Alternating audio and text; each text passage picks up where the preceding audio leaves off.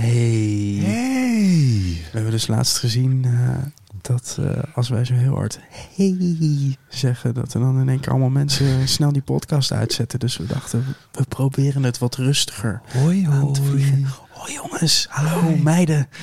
En iedereen die er een beetje tussenin zit. Of helemaal links, of helemaal rechts, of helemaal de boven of de Het beneden. maakt ons niet uit. Wij houden sowieso van We je. love you. So much. Oh. Ehm, dit is eh, de allerlaatste van het seizoen. Ja, en eh, we hebben alles voor jullie gedaan. Maar we willen jullie ook ontzettend bedanken voor alles wat jullie voor ons hebben gedaan. Zeker. Eh, en met name de patrons. Patreon.com slash bakkiebakkie. Je kan altijd nog eh, onderdeel worden van deze movement.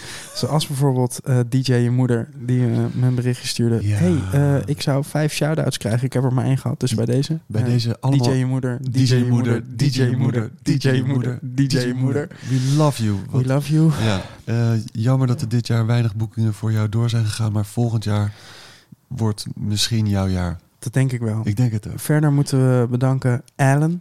Alan. Ehm, en dat is grappig, want dat zijn eh tweelingbroers uit eh, Amsterdam. Alan of Ellen? Alan. eh, want de ene heet Alex en die andere heet Leonard. En ze zijn allebei een mega super big patroon geworden. Dus Mm. jongens, thanks and we love you. Bastiaan Rensing ook bedankt. Niek Yes. Man. Ik weet niet of het je voornaam is of, of gewoon dat je even wat geks hebt opgeschreven. Desalniettemin, je bent een topper. En Klasse. Wouter, Wouter. zonder achternaam. Wouter, eh, het kan altijd stouter. Ehm, we hebben net trouwens nog een, een heel stiekem een, eh, een, een t-shirt dingetje gedaan. Heel plotseling in één keer. Ja. Bam. Met, eh, met groot succes. We gaan ze van de week versturen. Hebben we twee weken voor uitgetrokken. Want eh superveel werk, heel veel besteld. Dank daarvoor. Dank daarvoor. Maar het kan zijn dat je dat in één keer hebt gemist. Dat je denkt, hé, hoe kan dat? T-shirt? Hé, ik wil ook zo'n Ik was t-shirt. daar Ja, niet. Dat komt dan. omdat je ons niet volgt op Instagram. En het klinkt een beetje gek van, oh ja, duimpje omhoog, schrijf een review. Maar dames en heren, het is toch echt hartstikke fijn dat we met elkaar kunnen communiceren. Dat we een klein beetje dichter bij elkaar komen. Precies. Dus volg ons op eh, Instagram als je ook eh, gekke t-shirt dingen wil. Misschien dat we aan het begin van het nieuwe seizoen, dat sneller begint dan je denkt, Ja. eh, ineens weer met een t-shirt komen. Dus of, ja, een, of, een, of een trui of, of, of van die, zo'n hele zachte doek. Als je dan, als je gaat slapen, dat je die doek heel, Over- zacht over je lip wrijft. ja. Bakkie Bakkie seizoen 3, aflevering 10. Aflevering 10 alweer, dames en heren. En de, de, De laatste van het de jaar, laatste hè? van het jaar. En voordat we daaraan gaan beginnen, want daaraan gaan beginnen, dat gaan we zeker doen.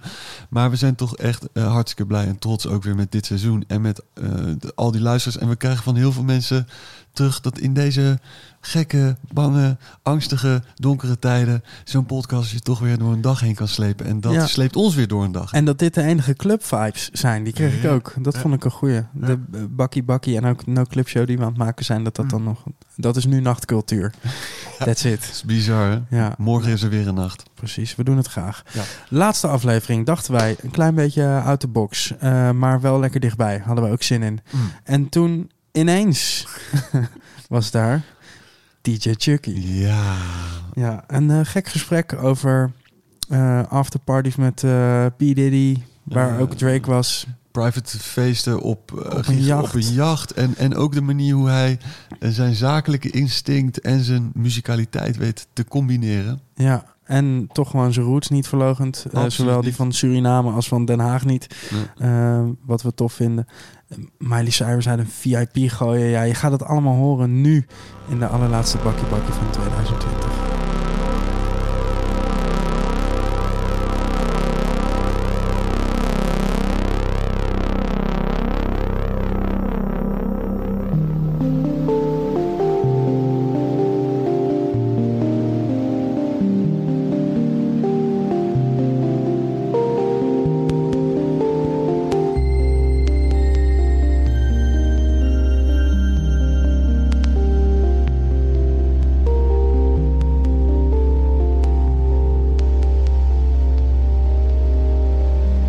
Nou iets nieuws ontdekt.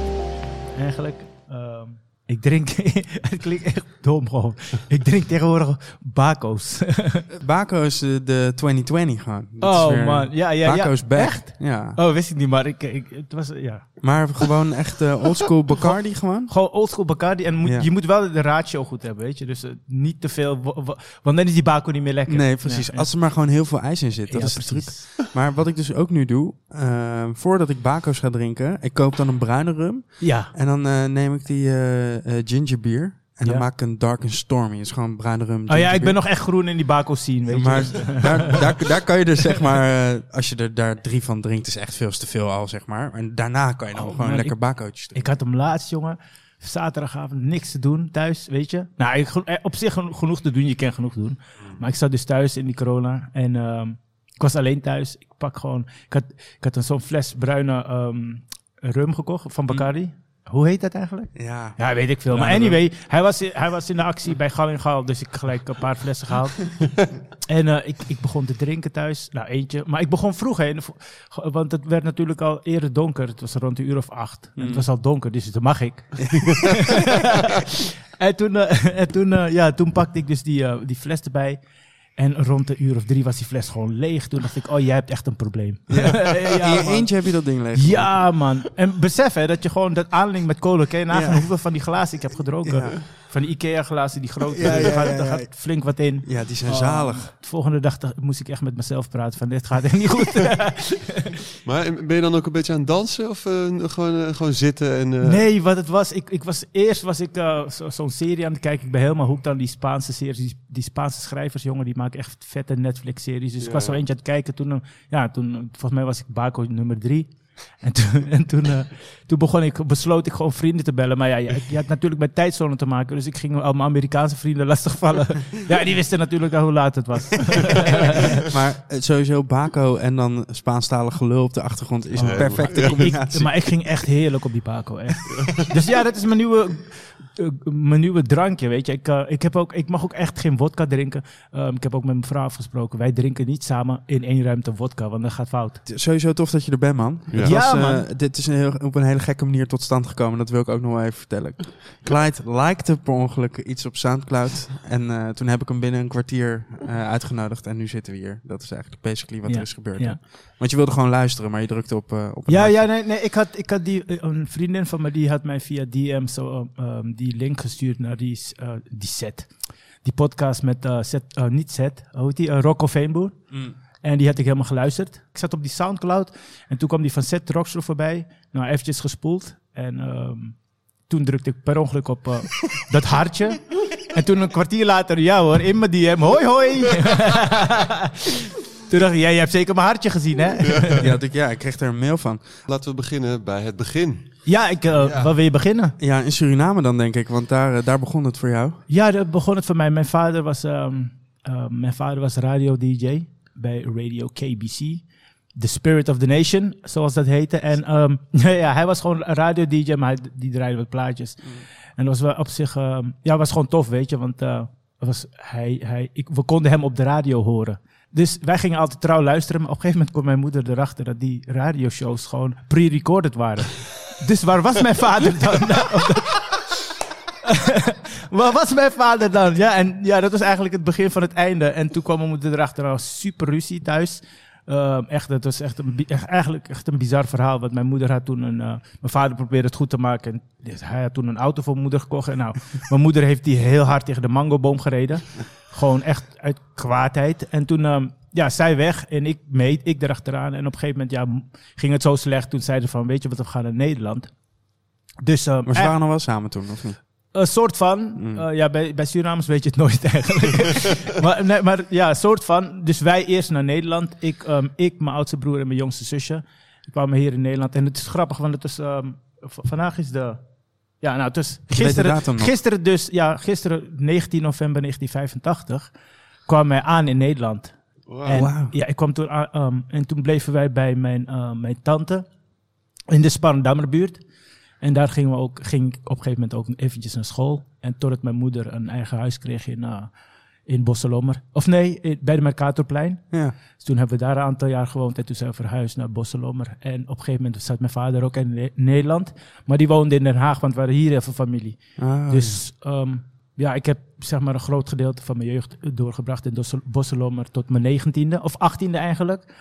Ehm, toen had ik mijn rijbewijs gehaald toen ik net 19 werd en ik was net klaar met uh, ondernemerscollege Amsterdam. hm. En toen, ja, toen ging ik veel pendelen, Den Haag, Amsterdam. En dat is eigenlijk ook de tijd dat... ehm, ja, er was gewoon veel shit aan de hand in Amsterdam.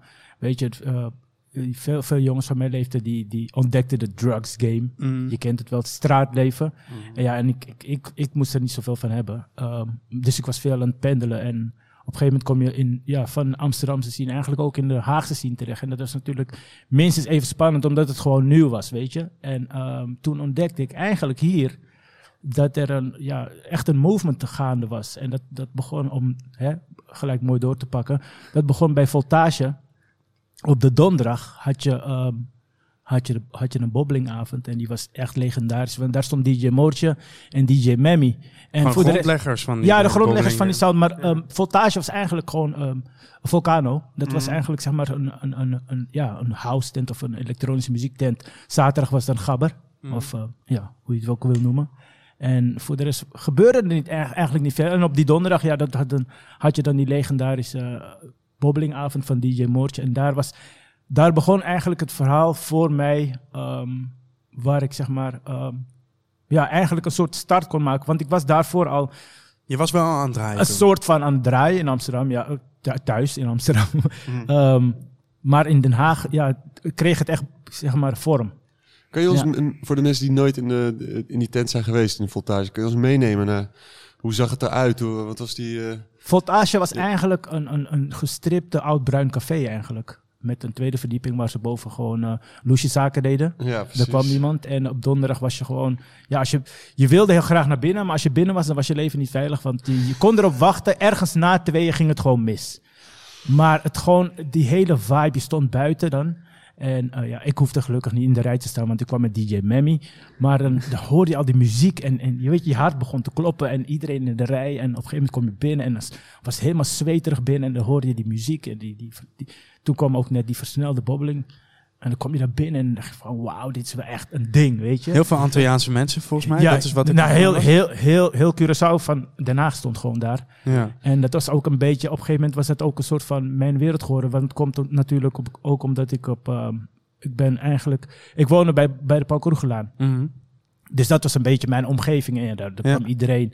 En, en zeg maar de ouderen daarvan, die gingen dan naar Voltage. ja, want het was dus niet een plek voor jongeren per se. Nee, nee, nee, nee, nee, Nee. nee, tuurlijk niet. Hè. Er werd eh, whisky gedronken, er werd eh, drugs veranderd, er Ja. werd gewoon gedanst. eh. maar het, het, het was vooral, weet je, maakt niet uit wat je achtergrond was of wat je dan ook deed. Je kreeg sowieso een paar klappen.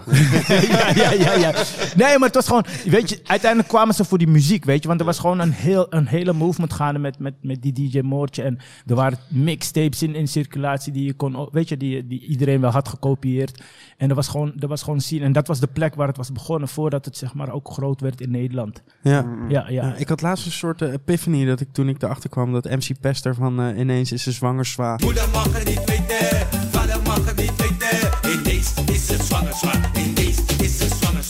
ja. Ook gewoon uit Den Haag komt. Ja, ja, ja, ja, ja, ja. Die woonde bij, die woonde bij Vijandlaan daar in de buurt. Ja. Ik weet niet of je daar ooit met het... Ik ging daar altijd vanuit Pokerugelaan met de tram naar de stad. Mhm. En op een gegeven moment, ergens bij Vijandlaan, zie je twee van die grote poppen hangen. ehm, van ijzerdraad of wat het dan ook was. Nou, dat is waar hij woonde, dus dat was zijn Ah. kunstwerk. Ja, ja. Ja, Oh, wat sick joh. ja, Ja, echt hij- sick. Hij beschilderde altijd zijn eigen pak ook. Ja, ja hij, hij ziet zichzelf ook eigenlijk meer als een kunstenaar, weet je. En ik heb, ja, ik heb, ik heb eigenlijk tot op de dag van vandaag, en ik heb hem echt lang nooit echt hoogte gekregen van hem. Ehm, ik weet niet of hij me haat of dat hij van me houdt, maar... Ja.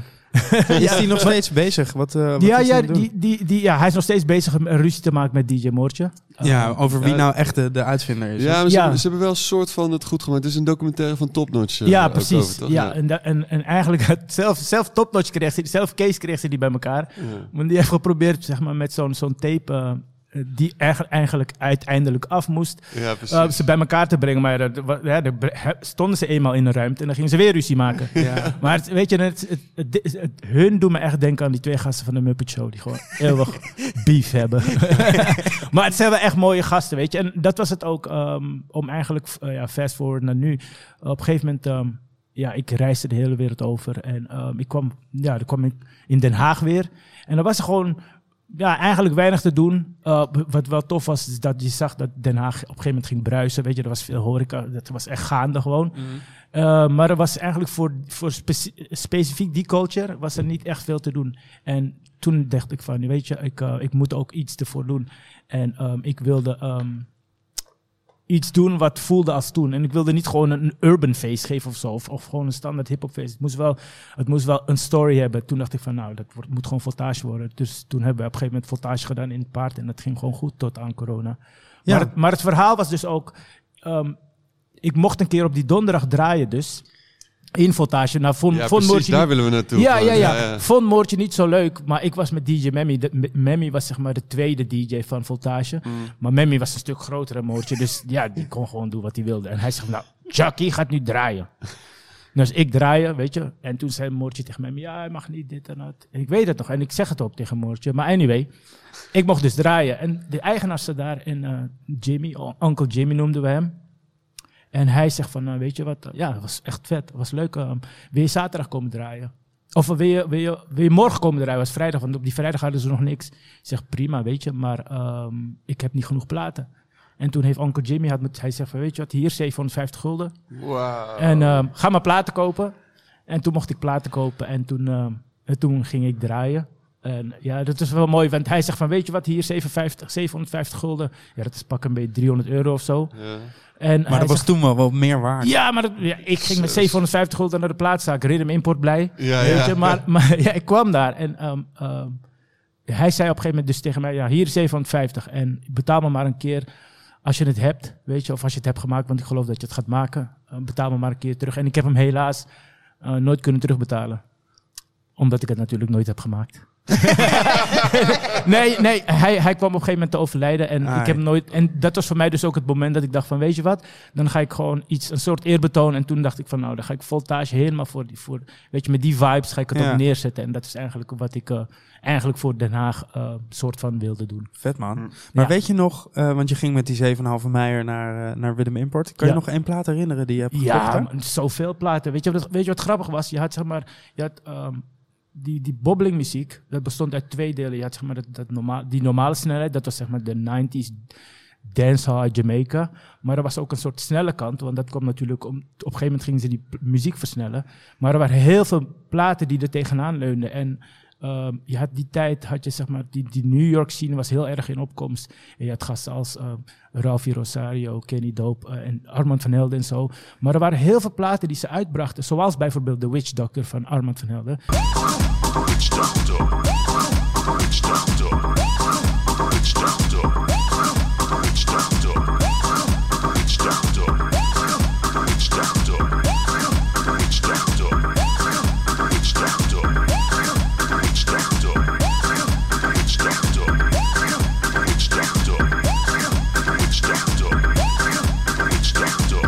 Die hadden allemaal een soort van die tribal beats. Mhm. En heel veel, uh, heel veel uh, strictly rhythm platen, dus uit die tijd.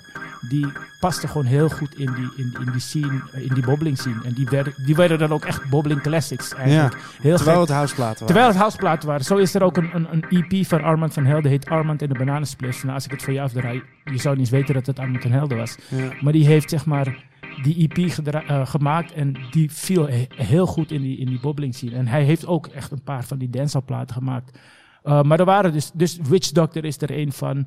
Um, The Tribe is van Kenny Dope. Uh, Gosando, dat is ook van Kenny Dope. Um, uh, zoveel uit die plaat. Ja. Maar, Rhythm, maar Strictly Rhythm was een hele belangrijke label voor, voor, voor bobbeling eigenlijk heel gek. Ja. Ja. Ja. want voor House dus ook. Nog steeds zie ik Ja, dat ja en, toch en Nervous soort- Records ook. Nervous Records had op een gegeven moment een EP. Um, heet uh, Live and Direct EP. Um, en, en daar stonden um, iets van ja, zes nummers op. En al die nummers die waren zeg maar, heel belangrijk geweest voor die... Of ja, die, die hoorde je op elke tape terug en op elke avond.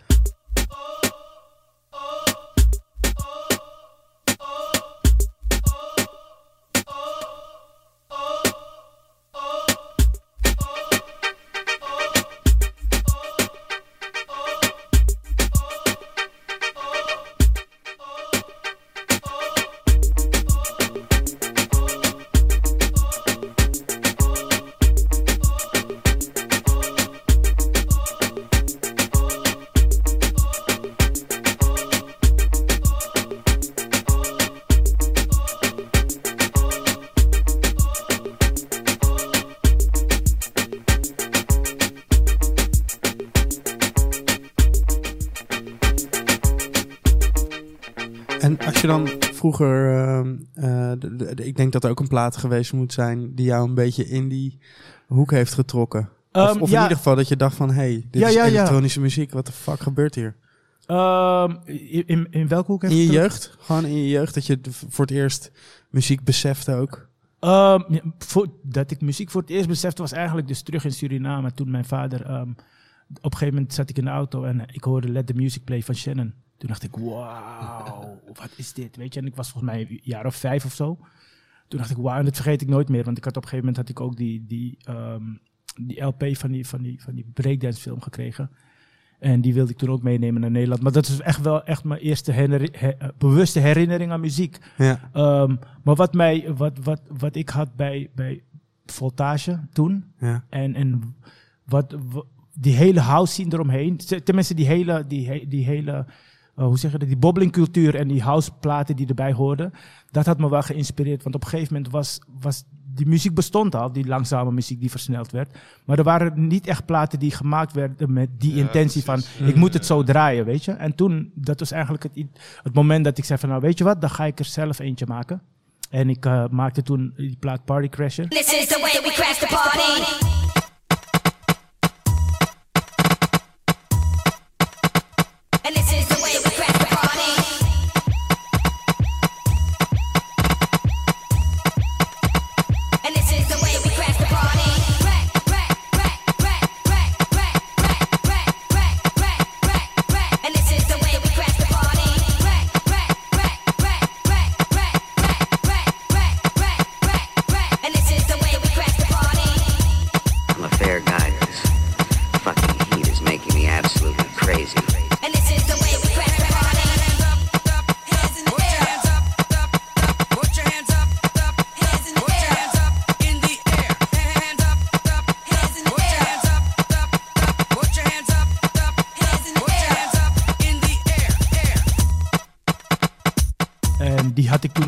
Ook op vinyl gedrukt. En ik drukte hem op 45, en zodat je hem ook op 33 kon draaien.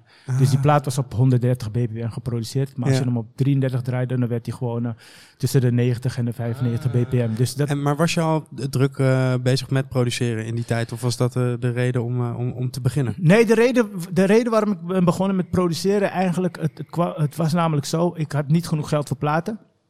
En ik eh, leende platen en heel vaak was het zo, als je bij de plaatzaak kwam, dan hadden de grote DJ's hadden een vakje, weet je, echt een vakje.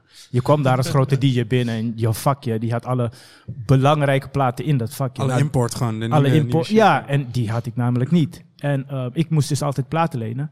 En ik, eh, die tijd was dus ook de tijd van de bobbling battles. Dus iedereen ging zijn eigen beats maken. En ik had ook zo'n computer. Maar ik ging dus die platen lenen. En ik ging al die platen samplen van voor naar achteren. En op een gegeven moment dacht ik van ja, maar eigenlijk, om ze vervolgens te kunnen draaien, weet Ja. je. Toen dacht ik op een gegeven moment, maar het heeft toch geen zin om die plaat weer in diezelfde volgorde terug te zetten, terwijl je al die mooie stukken hebt. Dus ik ben toen die platen gaan editen en alles van achter naar voren te halen. De bridge aan het begin, hè, de instrumenten aan het begin als intro en, en ik bouwde outro's. En dat is eigenlijk hoe ik was begonnen met produceren. En zo ben ik beats gaan maken. Dus toen op een gegeven moment inderdaad, weet je, van het editen be- begin je echt producties te maken. Ehm, ik heb echt te lang gezeten op die ehm, Atari. Vier sporen en ja, je kon er niet zoveel mee. Kick, hi-hat, snare en eh, weet je, die, al die sporen zaten vol. En je had nog één spoor over voor piano of zo. Whatever. Ja, dus ja, op een gegeven moment wordt het natuurlijk serieuzer. En Party Crasher had ik ook met een, een, een spin-off daarvan gemaakt. De 16-bit versie geloof ik. Dat heette Fast Tracker. Een Fast Tracker heette dat, ja. En daarmee heb ik die plaat gemaakt. En, en zo is het eigenlijk begonnen.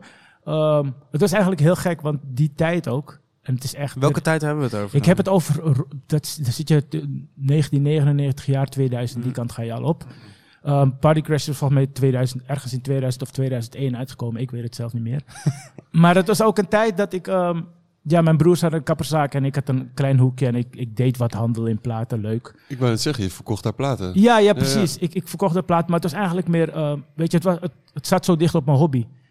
Snap je? En ik had zoiets van, nou, als ik, ik, ik zocht gewoon een manier om platen goedkoper in te kopen. Toen dacht ik, nou, dat was een goed excuus. KVK'tje erin en ik, ik kon platen voor inkomstenprijs kopen, weet je. Ja, precies. En gelijk doorverkopen. Ja, ik was wel altijd een soort kleine handelaartje. Hosselaar. ja, kleine hosselaar. Ali, zakenleider van Pip, die kocht nog bij jou zijn platen. Ja, eh, precies. Maar, maar, maar, maar zo, de- zo deed ik dat dan. Ehm, dus dat was, eh, maar op een gegeven moment was er dus een vriend van mij. Die kwam altijd ehm, bij de plaatzak en hij gaf feesten. KVR heet hij. Ik ken het van Rangeroy. Die heeft heel veel gedaan met eh concerten en zo. Maar hij ehm, kwam bij mij. Op een gegeven moment ging ik zijn... ehm, gingen we praten over zijn concepten en zijn feestjes. En ik ging hem helpen. En hij was op een gegeven moment werd hij gewoon moe van die designer altijd. En ik ging op een gegeven moment ehm, ging ik met zijn designer aan de slag van ja, die flyer moet er zo uitzien. Dus we waren eigenlijk soort van bijna aan het samenwerken. En toen heen en weer, heen en weer. En toen ehm, zei hij op een gegeven moment van weet je, je, je, bent zo betrokken, laten we het gewoon samen doen. En ik ging dus flyers maken. ja, ja, echt. Je kan het niet. Ik verzin het niet. Dus op een gegeven moment, ik ging flyers maken. En op, eh, eh, het was namelijk zo dat die jongen, die, die flyer designers, die hebben altijd wat. Weet je, dan moest iets anders. Ja, het kan niet en dit en dat. En toen was ik zo boos. Toen had ik eh, zo'n illegale versie van, van Photoshop. Had ik mezelf opgesloten 24 uur. en toen, ging ik, ja, toen kon ik ineens Photoshop. Dus ik ging zelf die flyers maken. Nou, voor ik het wist, zat ik in de feesten. Samen met die gast. Ja, dat was echt gek. En, eh, waar, waar deden die parties toen? Ehm, wij, wij deden toen Urban Vibes in de Melkweg in Amsterdam. Ehm, we deden in de boerderij, in, deden we feesten. Zoetermeer? Ja, Zo- Ja. Zoetermeer. We- Het, het ging van hot naar her. Weet je, maar op een gegeven moment, er, er ontstond wel een dingetje. En dat is eigenlijk ook het begin. En daar heb ik denk ik wel een heel groot gedeelte van, van, van mezelf in de kei- eh, schijnwerpers eh, zetten, te, eh, daar, da- eh, aan te danken. Ja. Dus ik, ehm, ja, wij, maakten, wij gaven feesten. Ik deed de flyers. Op een gegeven moment dacht ik, nou weet je, de, de hustelaar dat ik was, ik dacht, Ja. fuck it, ik ga gewoon eh, flyers voor andere mensen maken. Ook nog, maar Ja, ja, je produceerde die beats, je, Ja, je, ja, je ja. draaide zelf op die party, die maakte die fly, je zat in de orga. En toen ja, ja, ja, en het, het, het werd nog gekker, het werd nog gekker. Op een gegeven moment... Bardienstje deed je ook, als je klaar was. Ja, ja. security. Nee, nee. En bij de toilet zitten. Nee, maar het werd nog gekker. Op een gegeven moment dacht, werd ik, ja, ik werd aardig goed in flyers maken. En toen zei ik tegen hem, weet je wat, we gaan nu flyers voor andere mensen dan eh, ook drukken. dus wij, wij eerst, eerst in, het begin gingen wij bij, eh, bij Studio 17 in Arnhem gingen we flyers ehm, afnemen, weet je. En op een gegeven moment zei ik van, nee, dat kan goedkoper. wij bellen naar België, waar het allemaal vandaan kwam, weet je. Nou, op een gegeven moment hadden we een drukkerij gevonden, wij met zo'n golf 3 naar België. Wij, eerst, eerste ronde flyers, want wij gingen op een gegeven moment dus die flyers maken, designen en drukken. nou, naar België daar, hoppa, drukkerij gevonden. E- eerste bestelling, nou, dat ging goed een paar weken. En toen, eh, nou, we, hadden dus een soort van evenementenbureau slash eh, printerij slash flyer design iets. En weet je, verkocht ook nog soort platen. En ik maakte ook nog platen. Maar dat, ja, dat was wel leuk, want ehm, op een gegeven moment, wat deed ik dan? Hosselaar dat ik was. Ik ging op een gegeven moment gewoon tegen die orga zeggen van luister dan, ehm, je krijgt korting op die flyer als je mij bovenaan die flyer zet. als je, je krijgt gewoon, weet je wat, van mij krijg je die design gratis als je mij bovenaan die flyer zet. Maar het grap was, wij deden die, die designs. Ik werd op een gegeven moment handig erin. Ik ging gewoon tien designs op een dag maken. Op een gegeven moment hadden we gewoon een hele stapel aan designs Klaar liggen. liggen. Klaar liggen. Dus het was gewoon een template. Zo, Oké, wa- wa- wanneer is het feest? Uh, Oké, dan gingen we gewoon de datum invullen en de locatie en de DJ's erbij. Weet je, en, en zo ging dat. En ja, dus ik had ze gewoon klaarstaan. Op een gegeven moment verkochten wij gewoon 20, 30 flyers per dag voor 125 euro per stuk of zo. En los, dat is exclusief drukwerk en exclusief DJ. Dus ja, op een gegeven moment ging er een factuurtje uit van onze, vanuit onze BV. Dat was dan, er stond er op een gegeven moment op eh, flyer design. Er stonden eh 5000 A6'jes en eh, DJ-booking van, eh, weet ik veel, tussen de 500 en de 1000 gulden of euro was het. Maar dat deden we dus. En op een gegeven moment ging het echt goed. Het ging dus van een Golf 3 naar een laadtruck. Kwam er, kwam er uit België. En toen, ja, het, wa- het was echt gek. En we gewoon, op een gegeven moment deed ik corporate drukwerk ook. Deed ik ook gewoon. Ja, het was echt heel gek hoor. En, en toen zei ik op een dag, en nee, maar toen was het, het, het werd echt serieus. Toen was er een bedrijf die ons wilde overnemen. En toen, ehm, toen, zei, toen waren we in contractbesprekingen en moeilijk, moeilijk. En ik zei tegen die maat van mij, ik zei, weet je wat? Dit zijn wij helemaal niet, weet je. Het, gaat, het wordt nou wel echt serieus. Ik zei, weet je wat we gaan doen? Ik werd, ik werd ermee wakker. Ik zei, weet je wat we doen? We, verkopen de hele boel en we gaan lekker in de muziek zitten. En eh, ja, toen hebben we die drukkerij, dat weet ik ook nog heel goed. Daar hebben we dat voor, eh, voor een tonnetje verkocht of zo. Wauw! ja, ja. joh. Ja, ja, dat is ja, dat 2000, 2001 daar ergens. Ja. Nou, een tonnetje verkocht aan die taxichauffeur die bij ons altijd eh, drukwerk haalde. Want die zag er ook wel handel in. maar eh, ja, nu hadden we het dus verkocht. En toen begon ik dus met die vriend van mij, begonnen we eigenlijk een labeltje bij, eh, met Digidance, Digidance samen. Mhm. En ehm, toen, ja, toen gingen we, ja, we konden gewoon platen releasen. Toen heb ik dus ook Ja, party... ja, je had een ton om in te Ja, investeren. precies. Een ton om in te investeren. Dus waar, op een gegeven moment zeiden van fuck it. En dan had ik die partycrasher had ik klaarstaan. Ehm ik had eh, die Bobbling Beats compilaties had ik klaarstaan. Ehm ik zei van, ik had die vriend van mij, DJ Nafi. ehm, die hebben we samen remix crew mee gedaan. Maar, en toen, toen was het eigenlijk begonnen. En eh, de, een van de eerste singles die wij wilden droppen was een plaat met Def Rhymes. En het heette, die, plaat, die plaat heette Ballen. Hm. En ehm, ik wilde de remix maken, want het was gewoon tof om de remix te maken. Gewoon om het remix maken, weet je. En toen zei ik van, weet je wat, ik ga, ik ga een remix maken. En ik, ik had toen een rapper gehoord uit Amsterdam, Arbidjan. En ik van, what the fuck, deze gast, hij is zo vet. Want ik hoorde een freestyle van hem, was gewoon vijf minuten beat. En hij ging gewoon vijf minuten los. En ik dacht, ik wil met hem tapen. Op de remix van Ballen tot de Vallen. Dus ik eh met hem de studio in. Of wat je een studio kan, kan noemen. was eerder een soort trap house in eh, Amsterdam-Noord. Bij QF thuis. Maar wij begonnen dus 11 uur s'avonds met die plaat. En, en, en 7 uur 's was die gewoon klaar. Weet je, en, en eigenlijk zijn eerste verse is uiteindelijk ook de, het refrein geworden. Ben je in het tent vanavond? Toegewonnen Sofie, maar dit vanavond. Dames blijven schudden, want die beat is verslavend. All out vanavond, lekker staat vanavond. We gaan ballen tot we vallen en we knallen die wapens. Malle gevallen, die boksen nuts op navels. Tangas die stallen en cellen kut vanavond. Dat je blut vanavond, kan niet terug vanavond. Het is ballen tot we vallen. En ja, dat was zeg maar de eerste plaat die wij hadden gereleased op Digidance, op Ja. ons eigen label. En was dat dan ook je eerste hit? Ehm, eigenlijk, ja, soort van, soort van wel. Tegelijk met Ballen tot de Vallen eigenlijk. Mm. Met, met Party Crasher was dat een soort van eerste hit. En Party Crasher zat natuurlijk wel heel erg in die bobblinghoek, zeg maar. En, dan, en, en Ballen tot de Vallen zit meer in de hiphophoek. Ja. Maar ehm, eh, die parties gingen steeds beter. De, de, de platen rolden eruit. Ja, die, pla die platen rolden eruit. Want wat was het nou? Nou, wij hadden dus, ik kreeg dus van Digidance 3000 gulden om een clip op te nemen voor Party Crasher. En dat was de tijd van de box. En toen kwam ik erachter van, wacht even. Je kan gewoon bellen en je clip komt op tv, weet je. Je kan gewoon die plaat ja, aanvragen. ja, ja. Dus ik een heel netwerk opgetrommeld. Iedereen die plaat aanvragen. Nou, dat ding ging echt eh, door het dak op de box. Was echt een, werd echt een hit op de box. Het was sowieso al in de culture was het al een soort van hit. En, en ehm, nou, iedereen aanvragen, aanvragen. Dus het werd echt veel gedraaid op de box. En toen op een gegeven moment, dan weet je dat je gewoon, you're making it. is wanneer Jan Vis belt. Jan, Vis, Jan Vis Agency ook echt. Die belde mij en die wilde mijn boekingen doen. Wauw, oké. Ja, toen kreeg ik door die plaat eigenlijk boekingen door het land. Mm. En ik heb dat ook echt, eh, echt lang gedaan natuurlijk. Ehm, op een gegeven moment ga je echt van, eh, van, van eh, Maastricht naar Groningen. Maar, en- maar stonden er dan, want kijk, je kan dit doen en je kan mensen je plaat aan laten vragen. En, eh, maar Ja. dat we- hoeft dan nog niet te zeggen dat, dat de rest van het land die die plaat aan zit te kijken, maar ook vet vindt, zeg maar, als je dat zelf in scène zet. Nou, dat bleek dus. Ja. dus Jan, Jan Vis belde. Dus ja, blijkbaar werkte die formule. Weet je? ja. Ja. En, die- en die zalen stonden ook vol. En die zalen stonden ook vol. En dan praat je over de periode tussen 2001 en 2003, 2004 ergens. Hmm. En, en, en toen ging het ook hard, want eh 2003, toen, ehm, ja, toen mochten wij aan de tafel zitten met IDT. En dat was, ja, dat was ook wel weer helemaal game-changing eigenlijk. En toen zei je, ik kan ook de flyers maken. Dus, ja, ja, maar die heb, dat, heb ik, ook- ja, dat heb ik ook echt gedaan. Hè? En ik zeg maar, hey, hebben jullie toevallig alle drukken? Want die weet ik ook nog wel.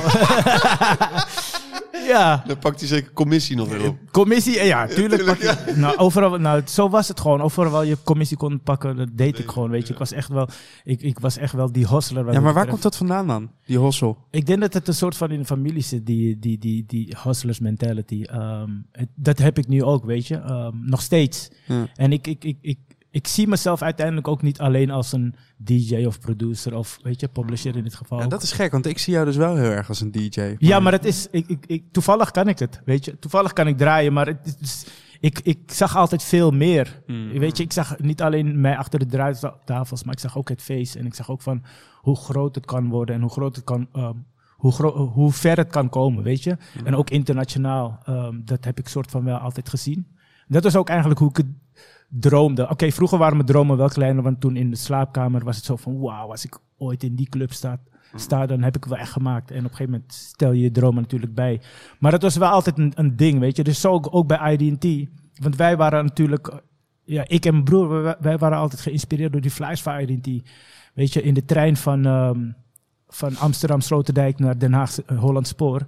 Ja, pakten we altijd die flyers, want die had je gewoon bij Sloterdijk liggen van IDT. is echt zo'n eh, zo'n zo'n plastic dingetje met, met allemaal die flyers erin. En wij in de trein lezen. En wij gingen die flyers gewoon lezen. En van wauw, vijf- 50 ehm, voorverkoopadressen. Weet je, dat zag er gewoon imposant Ja, uit. ja, ja, ja. 50 voorverkoopadressen, geweldig. En het feest was Hellraiser en weet ik veel, allemaal Thunderdome.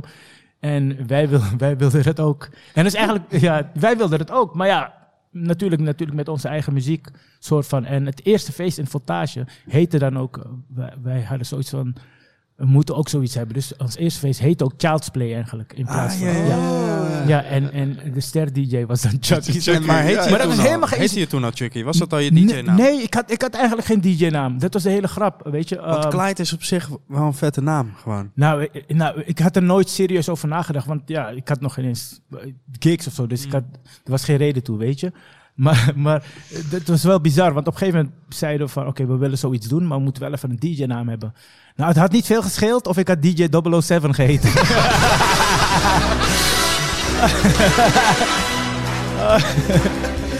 Ai, ai, ai. Ja, man, ik, ik heette bijna 007. En toen zei, toen zei, toen zei van nee, wacht even, Child's Play. Want oh ja, oh, dat vergeet ik ook nog te vertellen. Want we hadden ook een videotheek. die, die zat er ook nog bij. Ja, man, echt. Ja, bizar. Waar zo zat die op, op videotheek? de Pakkerugelaan, wij wonen boven die videotheek. Ah, ja. En die was va- van jou? Of Nee, die was van mijn vader. Van Mijn, va- mijn, va- mijn vader en die had het geopend voor mijn broers. En weet je, nou, zo ondernemend als ze waren, dachten ze van, weet je wat, als wij een business kunnen beginnen die gewoon niet om zes uur sluit, wat is het dan? Ja, een videotheek. Nou, nie- die wisten helemaal niks van videotheek. Maar anyway, er stond een videotheek en ik had op een gegeven moment een ruimte erboven.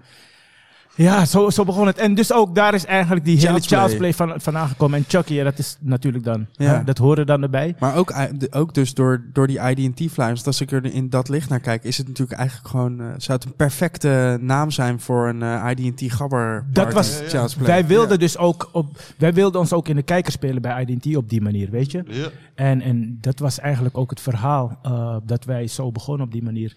Ehm, en toen, ehm, ja, eigenlijk, eigenlijk was het gek, want toen mochten we dus 2003 bij hun op kantoor zitten. En ehm, mochten we uiteindelijk, Urban Scene was aan het groeien toen ook, hè. Mm. Want je had, ehm, ja, het was, er was niet veel te doen, voor, voor, maar het was groot genoeg om te weten van, hé, hey, er, er gebeurt wat daar. En eh, Urban had eigenlijk nog bijna geen podium, al helemaal niet op zo'n grote schaal. En IDT deed toen die tijd Inner City. Ja, ben je En- nog geweest? Ja? Inner City. En ehm, toen zeiden ze, nou vooruit dan maar jongens, jullie mogen een zaaltje doen. Nou, wij hebben er toen de El Salvador zaal gekregen, of Salvador zaal gekregen. En ik heb toen zelf die flyer gemaakt. en jezelf En de, bovenaan gezet? en de, ja, ja, tuurlijk. En de programmering gedaan. We hadden toen Razel geboekt. Vet! Eh, ja, die ehm, beatboxer. This is the tricky part. The beat and the chorus at the same time.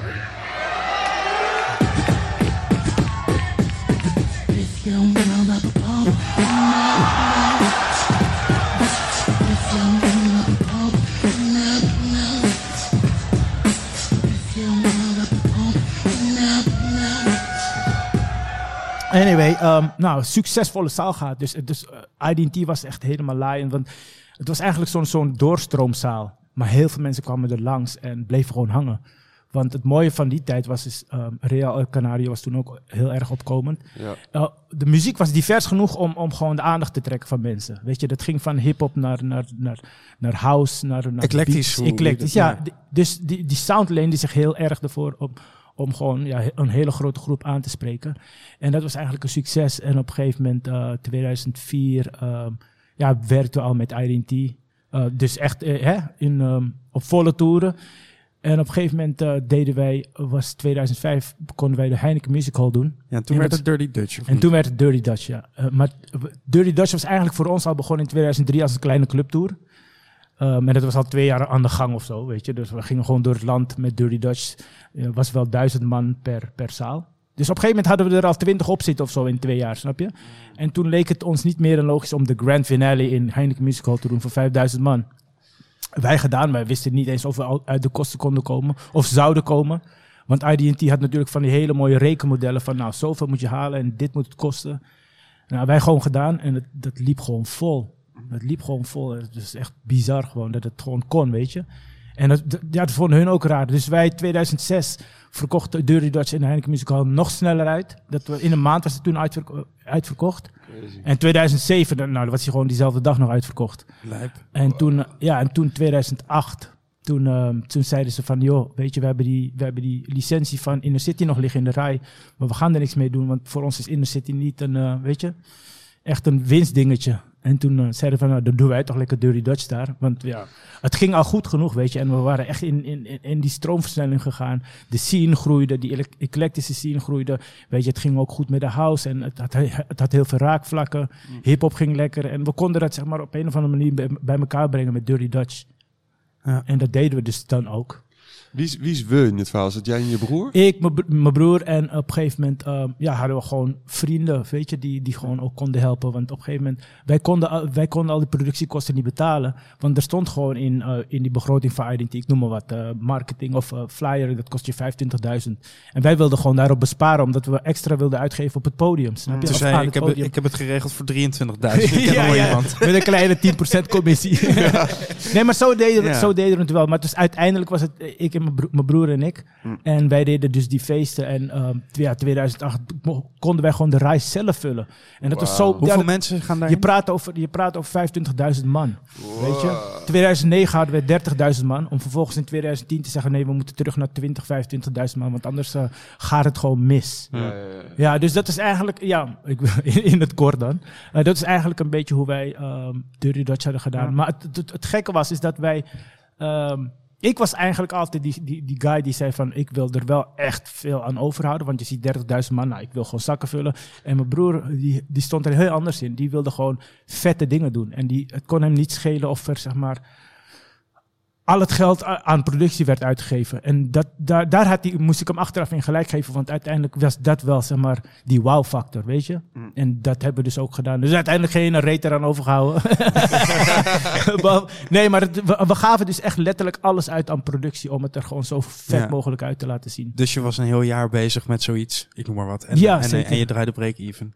Ja, je draait de break-even en weet je, je, pak, je pakte gewoon een normale fee van een normale avond, weet je. Maar het was wel, het was wel de manier om, om jezelf ook te positioneren in, in, in, in die markt die echt zo zwaar was eigenlijk. Want hoe, was je toen ook al in het buitenland eh, bezig? Of kwam dat 2008, daardoor? Ja. 2008 begon het eigenlijk. Eh, 2008 was ook een belangrijk jaar voor mij, omdat ehm, ja, ik was al best.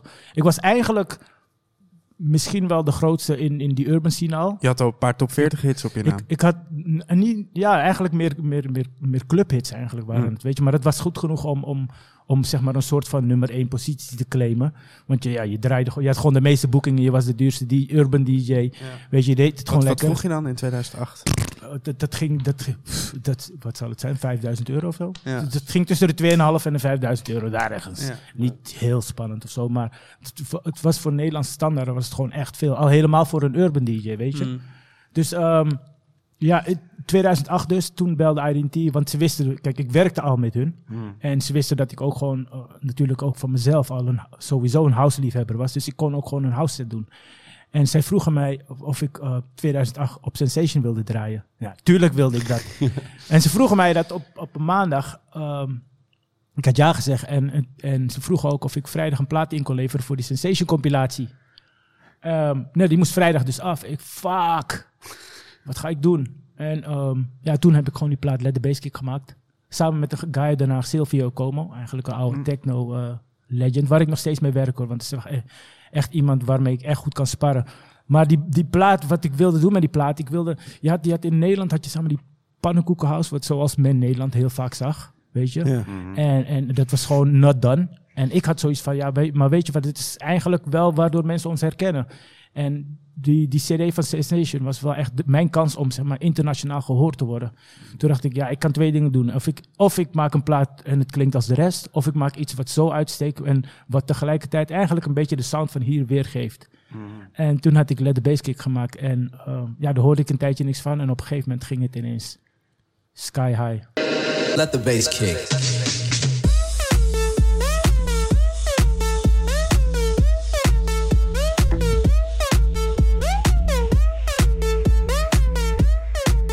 Eigenlijk heel erg dat Dirty Dutch op de een of andere manier heb je jezelf toe weten te eigenen. Wie heeft die naam? Hoe, hoe kwam die naam tot stand? Nou, het was namelijk zo dat wij wilden een sound hebben. Of wij wilden een naam hebben die eigenlijk een soort een beetje vertegenwoordigde van wat wij eigenlijk waren. Weet je, het was een beetje straat, het was een beetje van alles. En het moest eigenlijk het straatgeluid vertegenwoordigen. Dus, eh, en je had natuurlijk eh, Dirty South. En daar was het een beetje van geleend van, nou, Mm. dan moet het Dirty Dutch zijn. En op een gegeven moment zijn ze dat, was het natuurlijk ons merknaam, maar het is op een gegeven moment of eigenlijk is het een soort Genre. een bijna. genre geworden. Ja, En, hoe, vaak kan je, hoe vaak maak je nou een genre, weet je? Nou ja, eh, Ja, niet. nee, niet. Ja. Ja, dus, dat, dus dat was het ook. En op, ik, ik, ik, ik kon er tegen vechten of ik kon er, weet je, of ik kon ermee Ja. aan de haal gaan. En ik koos voor de tweede natuurlijk. Ja, En op- die golf heb je aardig gepakt, ja. Ja, dus je had gewoon dan, je had die naam en je had een sound die erbij hoorde. Ja, nou, weet ja. je, nou, dan ben je gewoon ready voor het buitenland. Ja. Ja. En dat, dat was het dus ook. Eh, op een gegeven moment ehm, was het Winter Music Conference en eh, Miami. Ja, en, die, en er was gewoon een edit van die plaat met, eh, van LMFAO. I'm in Miami, bitch. Met, met die beat. En dat had een jongen uit Chicago gemaakt en die had het naar iedereen gemaild. Zodat iedereen het in zijn, in zijn, in zijn DJ-tas had. Of op zijn USB-stick had. Promo. Als promo. En wat gebeurde er nou? Ik kwam voor het eerst op de eh, Winter Music Conference. En elke DJ, elke grote DJ, en Swedish House Mafia was in het eerste jaar, opende met die plaat. David Guetta opende met die plaat en noem het maar op. En het kwam overal voorbij en ik dacht, oké, hier is wat gaande. I'm in Miami, bitch. En toen wist ik wel, oké, oké, eh, ehm, er is nu wat gaande. En toen werd het getekend in Engeland door CA2 Records. En daar heb ik toen in de, in de winter van 2008 geloof ik, heb ik ermee, of was het 2009 alweer inmiddels, heb ik eh, daarmee in de top 5 gestaan in Engeland. Terwijl op dat moment eh, Jay-Z, Beyoncé, 50 Cent allemaal in die top 5 stonden. Ja. Ja, en wa- wat ik dan vooral zo sick vind, is dat het dus een hele bewuste keuze was. Om, Ja. om die, eh, want je had een keuze. Ga ik gewoon Ja, ik had, een maken? ik, Ja. ik, had een keu- ik had een keuze en ik weet je wat het is. En iedereen keerde zich eigenlijk tegen die sound van, weet je, het was echt pannenkoeken als wat ze noemden. Maar ik geloofde er altijd in dat je het wel ehm, cool, een soort van tof kon brengen als je het goed inpakt, weet je. En mijn, mijn, mijn, mijn, mijn idee van, van house, ehm, want ik ben uiteindelijk kom ik uit, eh, zeg maar, eh, uit, uit hip-hop, om, om het maar even zo Mm. te zeggen. Maar mijn idee van house was, hey, als ik iets in house doe, dan moet het wel speciaal zijn. Anders heb ik er niks aan. Als ik er niks aan kan toevoegen, dan liever, ja, dan, dan kan ik het beter niet doen. En ik had zoiets van, nou, weet je, wat, wat, wat vind ik tof aan house? En ehm, ik, ik ging ook altijd naar mijn platen kijken. En uiteindelijk bleek dat ik gewoon, weet je, ik, ik heb gewoon in mijn collectie gewoon veel Detroit techno, om het maar Mm. even zo te zeggen. Maar, maar die ondergrond was altijd een soort van, het had een soort van techno basis. Als je luistert naar de originele versie van Let the Bass Kick, het is gewoon een techno plaat eigenlijk. Want die plaat duurt gewoon zes minuten, snap je? Ja. En, en als, je, als, je het goed, als, als je het nu gaat, gaat ontleden, dan hoor je ook van, oké, er zit eh, een techno-mind achter. En dat, dat wilde ik ook. En die balans heb ik kunnen vinden doordat ik ook met Sylvia Okoma ben gaan werken. Van, broer, luister dan. Ik wil die vibe wat jij hebt, wil ik er ook in hebben. Weet je? Dus laten we die, com- die combinatie maken. En de grootste inspiratie van die plaat is natuurlijk ook een techno-plaat geweest. Die, die plaat Roman Flugo Gatesnock is, Ah, ja. eh, weet je, dat is... Ja, maar dat is eigenlijk die plaat die die hele dirty, die hele dirty sound, die Bliepjes House heeft geïnspireerd. Mhm. Die pitch band in, weet je, in die synth. Weet Ja, je, die, ja, die vibe. En dat, dat, dat heb je in Let the Bass Kick ook.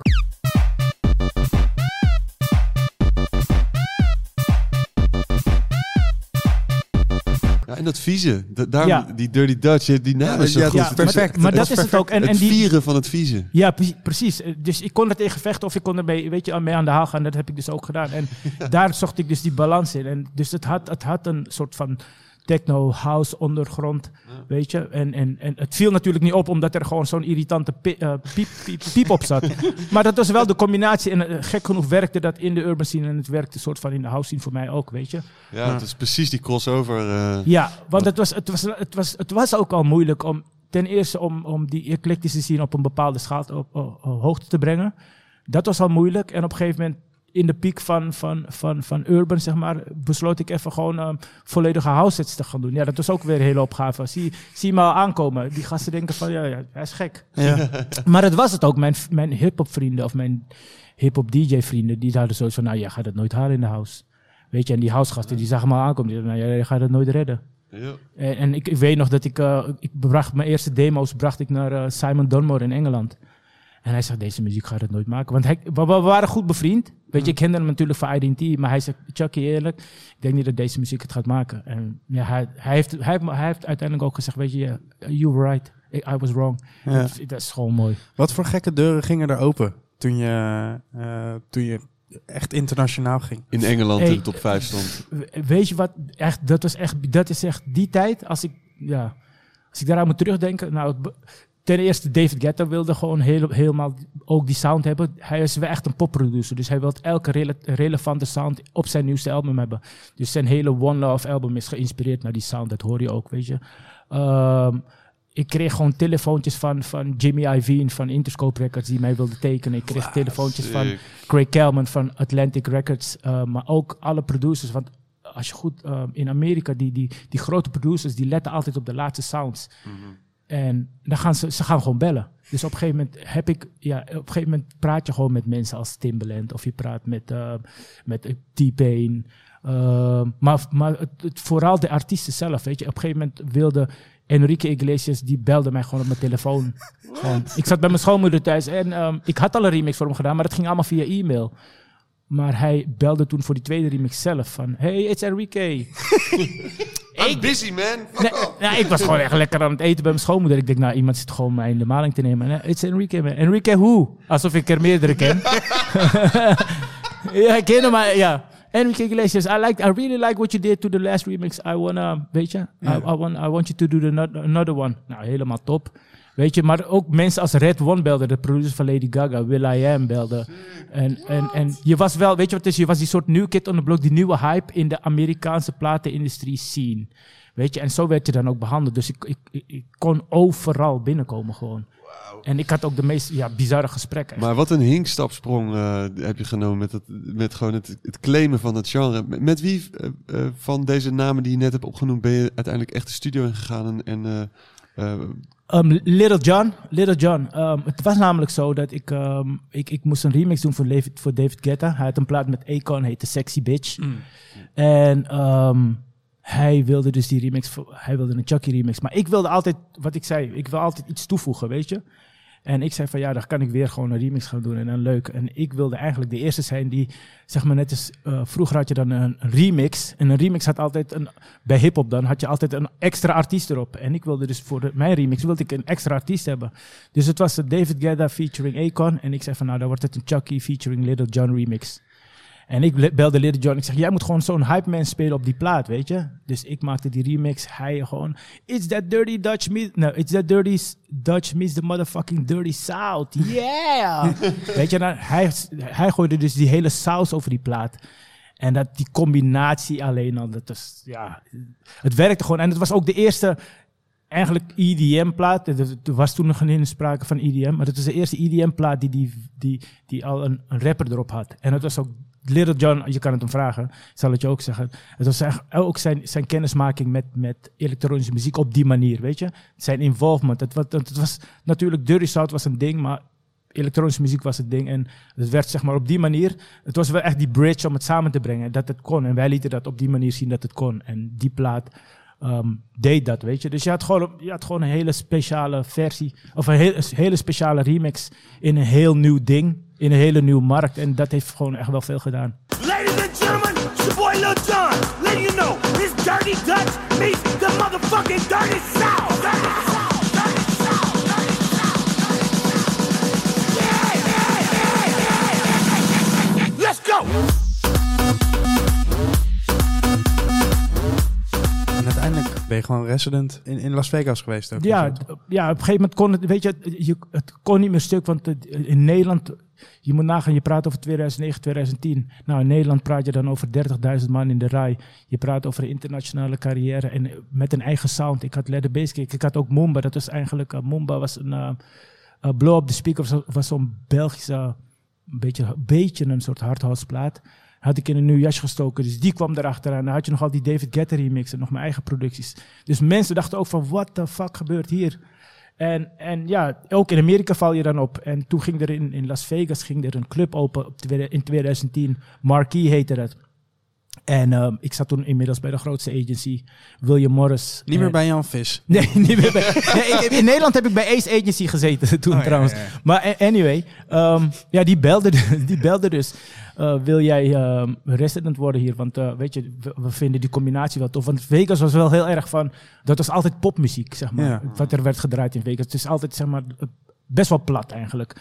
En zij wilde dan dat ik, zeg maar, een soort van mix, een mix van beide. Eigenlijk eclectisch draaide. Maar eh, wel echt die, die elektronische beat, want dat was natuurlijk nieuw Ja. voor, voor, de- voor corporate America. Nou, ik dus kreeg dus mijn eigen avond en op een gegeven moment... eh, En hoe vaak was het dan? Is dat wekelijks, dat maandelijks? was, eh, soms was het twee keer per week, soms was het eh, vier keer per maand, soms was het eh, één keer in de week. Weet je, het, het- Oké. het varieerde heel erg. Maar het, begon eigenlijk, maar het begon eigenlijk met acht data in één jaar, weet je. En Oh, dan ja. kreeg je, daar teken je er een contract voor. Ja, en dat ging dan... Geen gekke kleine contractjes zijn dat Nee, volgens dat mij was, nee, dat waren, dat- weet je, de, eigenlijk eh, hoefde je alleen die gigs te doen. En voor de rest van het jaar kon je gewoon eh, een Wauw. beetje, weet je, andere Flyers drukken. Flyers drukken. ja, ja, ja. Nee, maar dat was, dus, dat was echt heel gek. Want ook daar op een gegeven moment zit je in Las Vegas. En, en, en heb jij een van de belangrijkste avonden. En dan, dan kom je gewoon mensen tegen.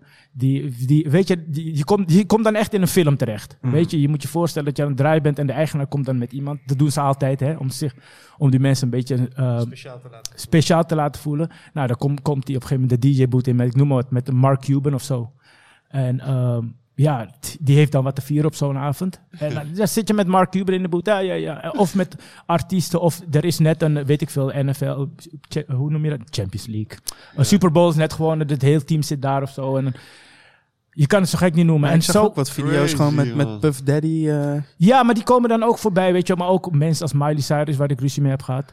waarover? Ehm, maar dat was in Los Angeles was dat. Maar ook mensen als Paris Hilton en zo, weet je. En op een gegeven moment zijn er gewoon mensen waarmee je een soort energie deelt. En daar ben je dan gewoon cool mee, weet je. En dat heb ik bijvoorbeeld met Paris Hilton. Zijn wij, wij zijn gewoon eh, een soort van gekke drink, drink buddies of zo. Baarcoaches. Drink ze ook baarcoaches? of niet? Nee, wij zijn gewoon straight up vodka. Zij is hardcore, man. Geen grap. Maar ehm, ja, met Puff Daddy ook bijvoorbeeld. ehm, maar, maar wat ik zeg, je, je komt in een film terecht. En, en op een gegeven moment is dat je leven dan, weet je. En Aardig gek hoor, hé. hè? Ja, het, het, het is heel, het, Echt. het- het is heel bizar. Het is heel bizar. Het is, het is ook heel bizar. En want is het, eh, is het gewoon een privéjets aankomen, limousines aan de- ja, ja, toch? maar ik, ik was wel die guy die altijd een soort van... ehm, eh, ik wilde wel altijd de kosten in de gaten houden. Weet je, kijk, de fees, de fees leenden zich... Wie de- drukt de flyers? Ja, ja, ja, ja. ja. de, fees, de fees waren erna dat je gewoon de jets kon boeken natuurlijk. Maar ik, ik had zoiets van, als ik van New York naar Los Angeles moet of naar Las Vegas moet... Hoezo ga ik een jet pakken terwijl er gewoon een American Airlines gaat om eh, kwart over elf? Snap je? ja. Ja. Ja, ik vond het gewoon zonde. Ik vond het gewoon zonde. Eh, dus ik, ik, ik, ik hield dat wel soort van in de gaten. Want ik, ik, ik wist ook wel dat ik ehm, in een gekke wereld terecht was gekomen. En daarom was het voor mij heel belangrijk om met mijn beide benen op de grond te staan. Omdat je raakt heel snel verzeild in, in, in de wereld van drugs en zo. Gelukkig, weet je, ik was altijd nuchter genoeg om, om dat nooit te doen. Maar dat heb je gewoon op, hotelkamers. En weet je, dan is er een after en dan is er gewoon genoeg koken en weet ik veel wat allemaal. Ja, links en rechts gevaren op de weg. Ja, precies. Zijn je ouders ooit meegegaan eh, naar Las Vegas? Eh, nee, nee, nee, nee, nee, nee. Zijn, ze, zijn die wel naar andere parties gekomen? Hoe Mijn, hebben mijn, die... vader, mijn, vader, mijn vader heeft genoeg meegemaakt. Ook hier in Nederland heeft hij Dirty Dutch gezien, weet je. Ah.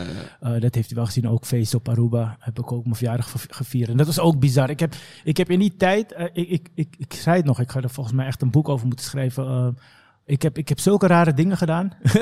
nee, ik, ik heb ook een keer mijn verjaardag gevierd. Ik, eerste jaar dat ik in Aruba woonde. En eh, ik belde gewoon Just Blaze en eh Akon en zo.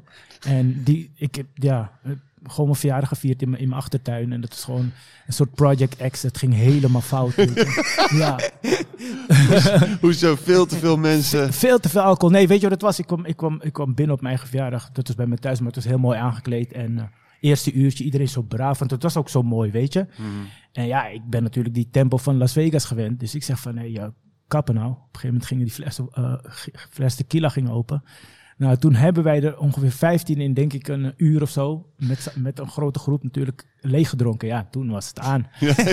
toen was het aan. Weet je wat het moment was eh, dat ik me besefte dat jij gewoon wel met je beide benen op de grond eh, Nou. staat? Toen ik je zag zitten in de Vatke hier in. eh, Oh Den ja, maar dat... Ja, maar dat... Vat hè. Maar ja. Het maakt niet uit hoeveel geld of, of je, of je verdient. Vatke blijft een ding. Blijft toch? goed? Ja, Ja. Maar volgens mij was je zelfs je verjaardag aan het vieren of zo. Tenminste, zo voelde het in ieder geval. Je had een van de allergrootste die zo'n tafel. eh, waar Nee, we waren gewoon met veel mensen, weet je. En je weet toch, dan komen we er binnen op. Dan week ze even en dan krijg je een grote tafel, ja. Zolang je me betaalt. Ja. Hurry up and buy. Ja, ja, en eh, ik snap nog steeds niet dat je daar eerder je eten hebt dan je drinken. Het is Ja, echt nog- een, fantastisch concept. Ja, ja, echt hoor. Die gasten, jongen. Nee, maar dat is... Kijk, ik, ik, ik heb dat ook in het buitenland gezien. Dat ik... ehm, ik vond het wel leuk, weet je. Altijd uitgenodigd worden eh, voor, voor fancy dinners.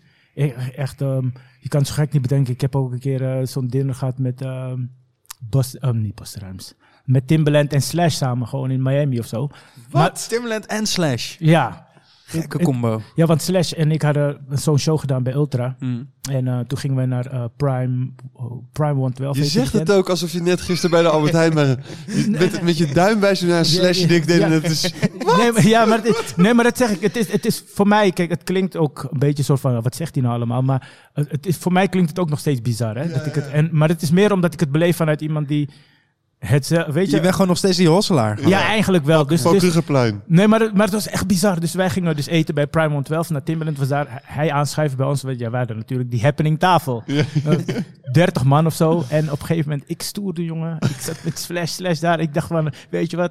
Avond, mijn avond kan niet meer stuk. Ik betaal wel die rekening. Ik had ook... eh, echt stom, jongen. Ik, ik heb echt stomme dingen gedaan. Ik, ik had gewoon een black card. Wat Ik- moest je afrekenen? nou, dat, dat, dat wil ik dus net vertellen. Want ik vind het zelf ook echt belachelijk, hè? Ik be- besef dat ik dat ook belachelijk vind. Dus ik had net een black card, net misschien een jaartje of zo. Of nee, een half jaartje of zo. Ik zeg, weet je, ik betaal. Het was wel een mooi moment om natuurlijk die kaart te trekken. ik die kaart trekken zo. Op een gegeven moment, eh, nou, komt die rekening. Wat was 4.500 dollar voor? Ik had een spijt, jongen. Oh, maar ja, je weet toch, je gaat het niet laten zien. Eh, Per slot van rekening trek je een eh, black card. Ik, ik vond het, ja, ergens, ik, ik- je, je moet het wel een keer hebben meegemaakt om er uiteindelijk ook vanaf te kunnen zien. weet je? Ik, heb, ja. nu- ik, heb nu niet, ik heb nu niet eens een, een, creditcard, want ik, ik geloof er niet in. Want dat, ja, dat is in de min staan. Hoezo in de min staan, weet je? Ja, precies. Maar dat, ja, dat, dat zijn gewoon van die, van, van, die, van die momenten dat je denkt van, what the fuck. En ik heb het vaak genoeg gehad, hè, dat ik gewoon op een feest stond en dat ik dacht van, oké, wat, hoe ben ik hier precies beland? Ik, ik, ik stond twee jaar geleden nog flyers te ontwerpen en eh, Voltage te knallen. voltage te knallen, weet je. Hoe ben ik hier beland? Maar dat vond ik wel ook wel altijd tegelijkertijd ook wel mooi, dat, dat contrast. En daardoor heb ik het zeg maar ook extra leuk kunnen beleven al die, al die tijden, weet je. Ehm, en ik, ik praat met name over de, de begintijd, dat het echt begon te groeien en dat het allemaal achter elkaar kwam. Die super fast life. Je praat over, ik vlieg van eh, New York naar Los Angeles in een jet en, en er wordt gebeld op de jet. Hey, na je, na je show moet je eh, bij een privéhuis draaien in Bel Air. Ja, dat soort, dat soort rare dingen, weet je. Je zei net, mijn vader heeft het wel mee gezien hier, zo Dirty Dutch. En je, Ja. moeder, je moeder is nooit uh, Mijn moeder is in 2001 overleden. Die Ah, heeft nooit ja. echt het, het grote succes helaas mee kunnen, mee- eh, kunnen meemaken. Maar die geloofde er wel in. Ehm, ja, als, als, jongetje, als jongetje van 14, 15. ehm, ja, je weet toch, dan, tussen 10 en 15 eigenlijk is, ben je als jongetje altijd ehm, zo van... hey, dit wil ik hebben. Oh, ik wil het zo graag hebben, want dit is, weet je... Ja, ja. Zeuren, zeuren, zeuren. En, ja, en ze zag me weer aankomen. Nou wilde ik ineens draaitafels hebben. En ze dacht, oh, heb je hem weer. En zij wilde dus eh, eigenlijk die spullen niet voor me kopen. En dus, los van dat, kon ze het niet eens betalen. Weet je, dus eh, toen zei ze tegen mij van, ehm, ik wilde die mixer hebben. Ik wilde een mixer hebben en die mixer kostte 125 gulden. En ik zei, mama, ik wil die mixer. Ik kon, kon ze niet betalen. En op een gegeven moment zag ze dat ik echt serieus was. En ehm, toen heb ik een aanbetaling mogen doen op die mixer voor 25 gulden. 25 gulden, hè.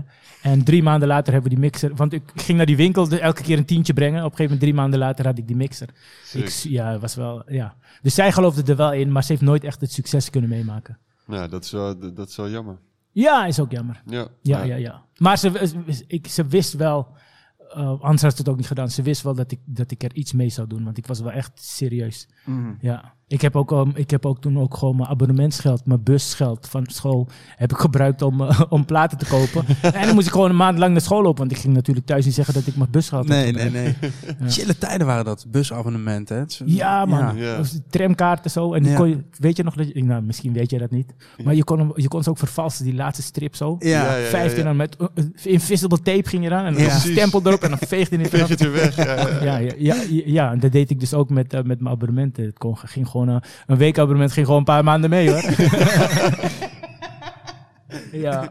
Hey, en eh, als we dan eh, doorspoelen naar nu, eh, vlak voor corona, waar, waar, waar Ja. sta je nu? Nou, het, ja, ik, hoe, Maar waar ik missen, missen we nog wel een, ga- een gat, toch? Want eh, de 2010, eh, de 2011... eh, Ja, Las- 2011. Dus, Las dus Vegas? 2010, 2011, nou, dat heb ik tot, eh, tot zeg maar, voor, vlak voor corona nog gedaan. Las Vegas. Ik had echt een langlopende residency in, in Amerika. Maar er, er was wel een, een, een soort punt waarbij ik zoiets had van, oké, dit wordt echt te veel. Ehm, 2014, 2015. ehm, ik kreeg in 2000, begin 2000, even kijken, begin 2016 kreeg ik zeg maar van mijn, e- van mijn management kreeg ik die statement van hoeveel vluchten ik had gedaan in 2015. En dat, ik, ik had gewoon meer vluchten gedaan dan, dan dat er dagen in een jaar zaten. Ik had iets van 450 vluchten gedaan. Inclusief, en inclusief jets, hè, maar het was namelijk zo dat sommige vluchten, ja, de, sommige afstanden, er moest gewoon drie vluchten aan te pas komen, snap je? Ja, ja, ja. En toen zei ik tegen mezelf, weet je wat, je bent wel succesvol in wat je doet. Weet je, je, je, je vliegt over heel de wereld, je, je leeft, je, je, je leeft, je, eh, weet je, je, je, Je droom? je droom, ja, je passie, weet je. Je wordt betaald voor je passie, weet je. Je wordt betaald om te feesten overal. Je komt op de vetste feesten. Maar, maar uiteindelijk, hoe succesvol ben je? Want dan, dan komt het er weer op neer van, hoe ga je succes meten? En ik had zoiets van, als ik nooit thuis ben en ik verdien, zeg maar, genoeg... Mijn gezin, mijn gezin zit thuis en ik ben er niet. Hoe succesvol ben je dan? Weet je, dus ik wilde daar heel erg die balans in gaan vinden. En ik, in 2016 heb ik eigenlijk een andere koers ingezet. Dus eh, ik deed op een gegeven moment ook gewoon 20, 20 boekingen per maand. Maar dan elke dag een andere stad of zo, weet je. Hier in Nederland, toen ik in Nederland draaide, deed ik gewoon 40, 50 boekingen. Maar dat is in Nederland alleen.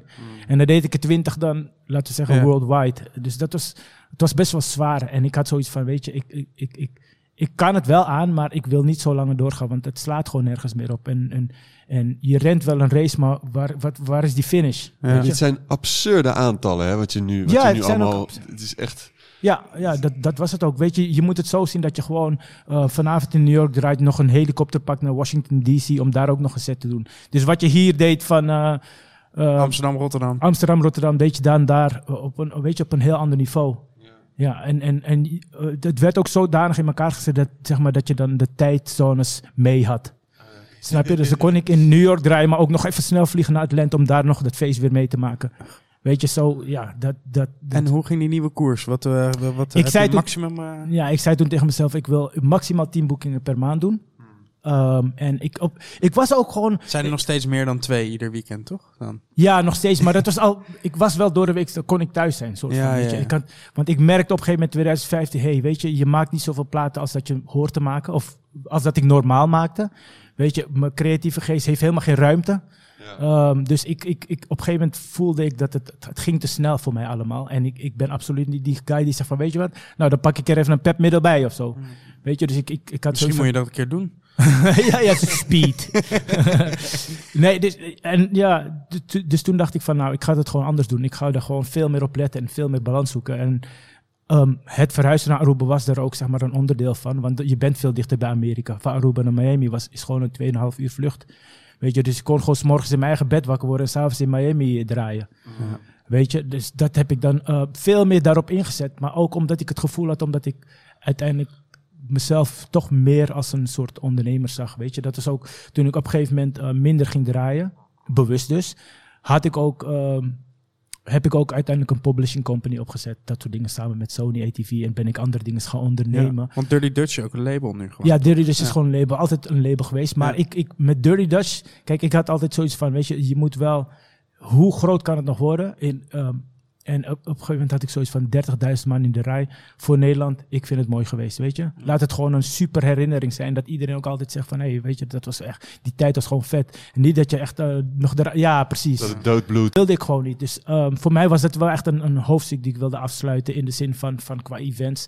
Weet je, niet meer, meer, meer. Want dat merk je ook. Uiteindelijk, uiteindelijk gaat gewoon de magie ervan af. Dat heb, heel eerlijk, weet je, en ik hou echt van, ik hield echt van Sensation, maar de magie is er gewoon eraf. Ja. Weet Maar dat is het ook niet meer, toch? Nee, nee, nee, maar dat zag je ook bij Identity. Die wist ook op, een op een gegeven moment op tijd afscheid te nemen van. Net zoals dat ze het met Inner City hebben gedaan, hebben wij dat ook met Dirty Dutch gedaan, weet je. Op die manier op events. En ik wil Dirty Dutch wel, want het is natuurlijk zonde om weg te gooien. Ik wil het natuurlijk wel als muzieklabel in stand houden, dus het bestaat wel. Ja. Ja. En daar komt er hoop op uit ook. Ja, precies, Ja, er komt genoeg op uit. Maar nu dus aan het publishen. Ook onder andere, en dat is, was, ja, was ook weer zo'n zo'n hustlers ding, want ik, eh, ik, woon, ik in Aruba natuurlijk. En ik zie op een gegeven moment, ik zie die gasten daar. Er zijn heel veel muzikanten daar. Ja, Caribisch gebied. Ja, tuurlijk is er muziek. En ik kijk naar die jongens, die lokale jongens. En je hebt van die lokale helden. Die maken gewoon, die schrijven gewoon mooie platen. En ik zeg, ik bel Sony. Ik zeg, luister, eh, wat ik wil doen. Ik wil, ik wil die jongens van hier wil ik tekenen. En laat hun maar plaat in het papiermento schrijven. En we kunnen het altijd vertalen naar het Spaans. Weet je, als het, als het goed, als het lekker klinkt. Want daar ging het om. En toen, ehm, zo gezegd, zo gedaan. Maar eerst wilde Sony niet. Sony zei, nee, maar je hebt zo'n grote naam. Waarom ga je niet gewoon een grote artiest tekenen? Want je hebt die, je hebt die kracht. En ik zei van, nee, ik wil, ik wil, dat is voor mij niet de uitdaging. Anders hoef ik geen publisher te zijn. Ik zei, ik wil juist dat doen, omdat niemand dat doet. En toen had ik zo'n guy gevonden uit, eh, eh, Curaçao, heet Jeon heet hij.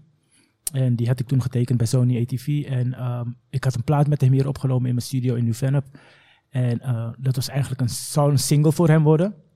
En toen heeft J Balvin, de grootste Latin artiest, had die plaat gehoord. En die wilde maar single hebben.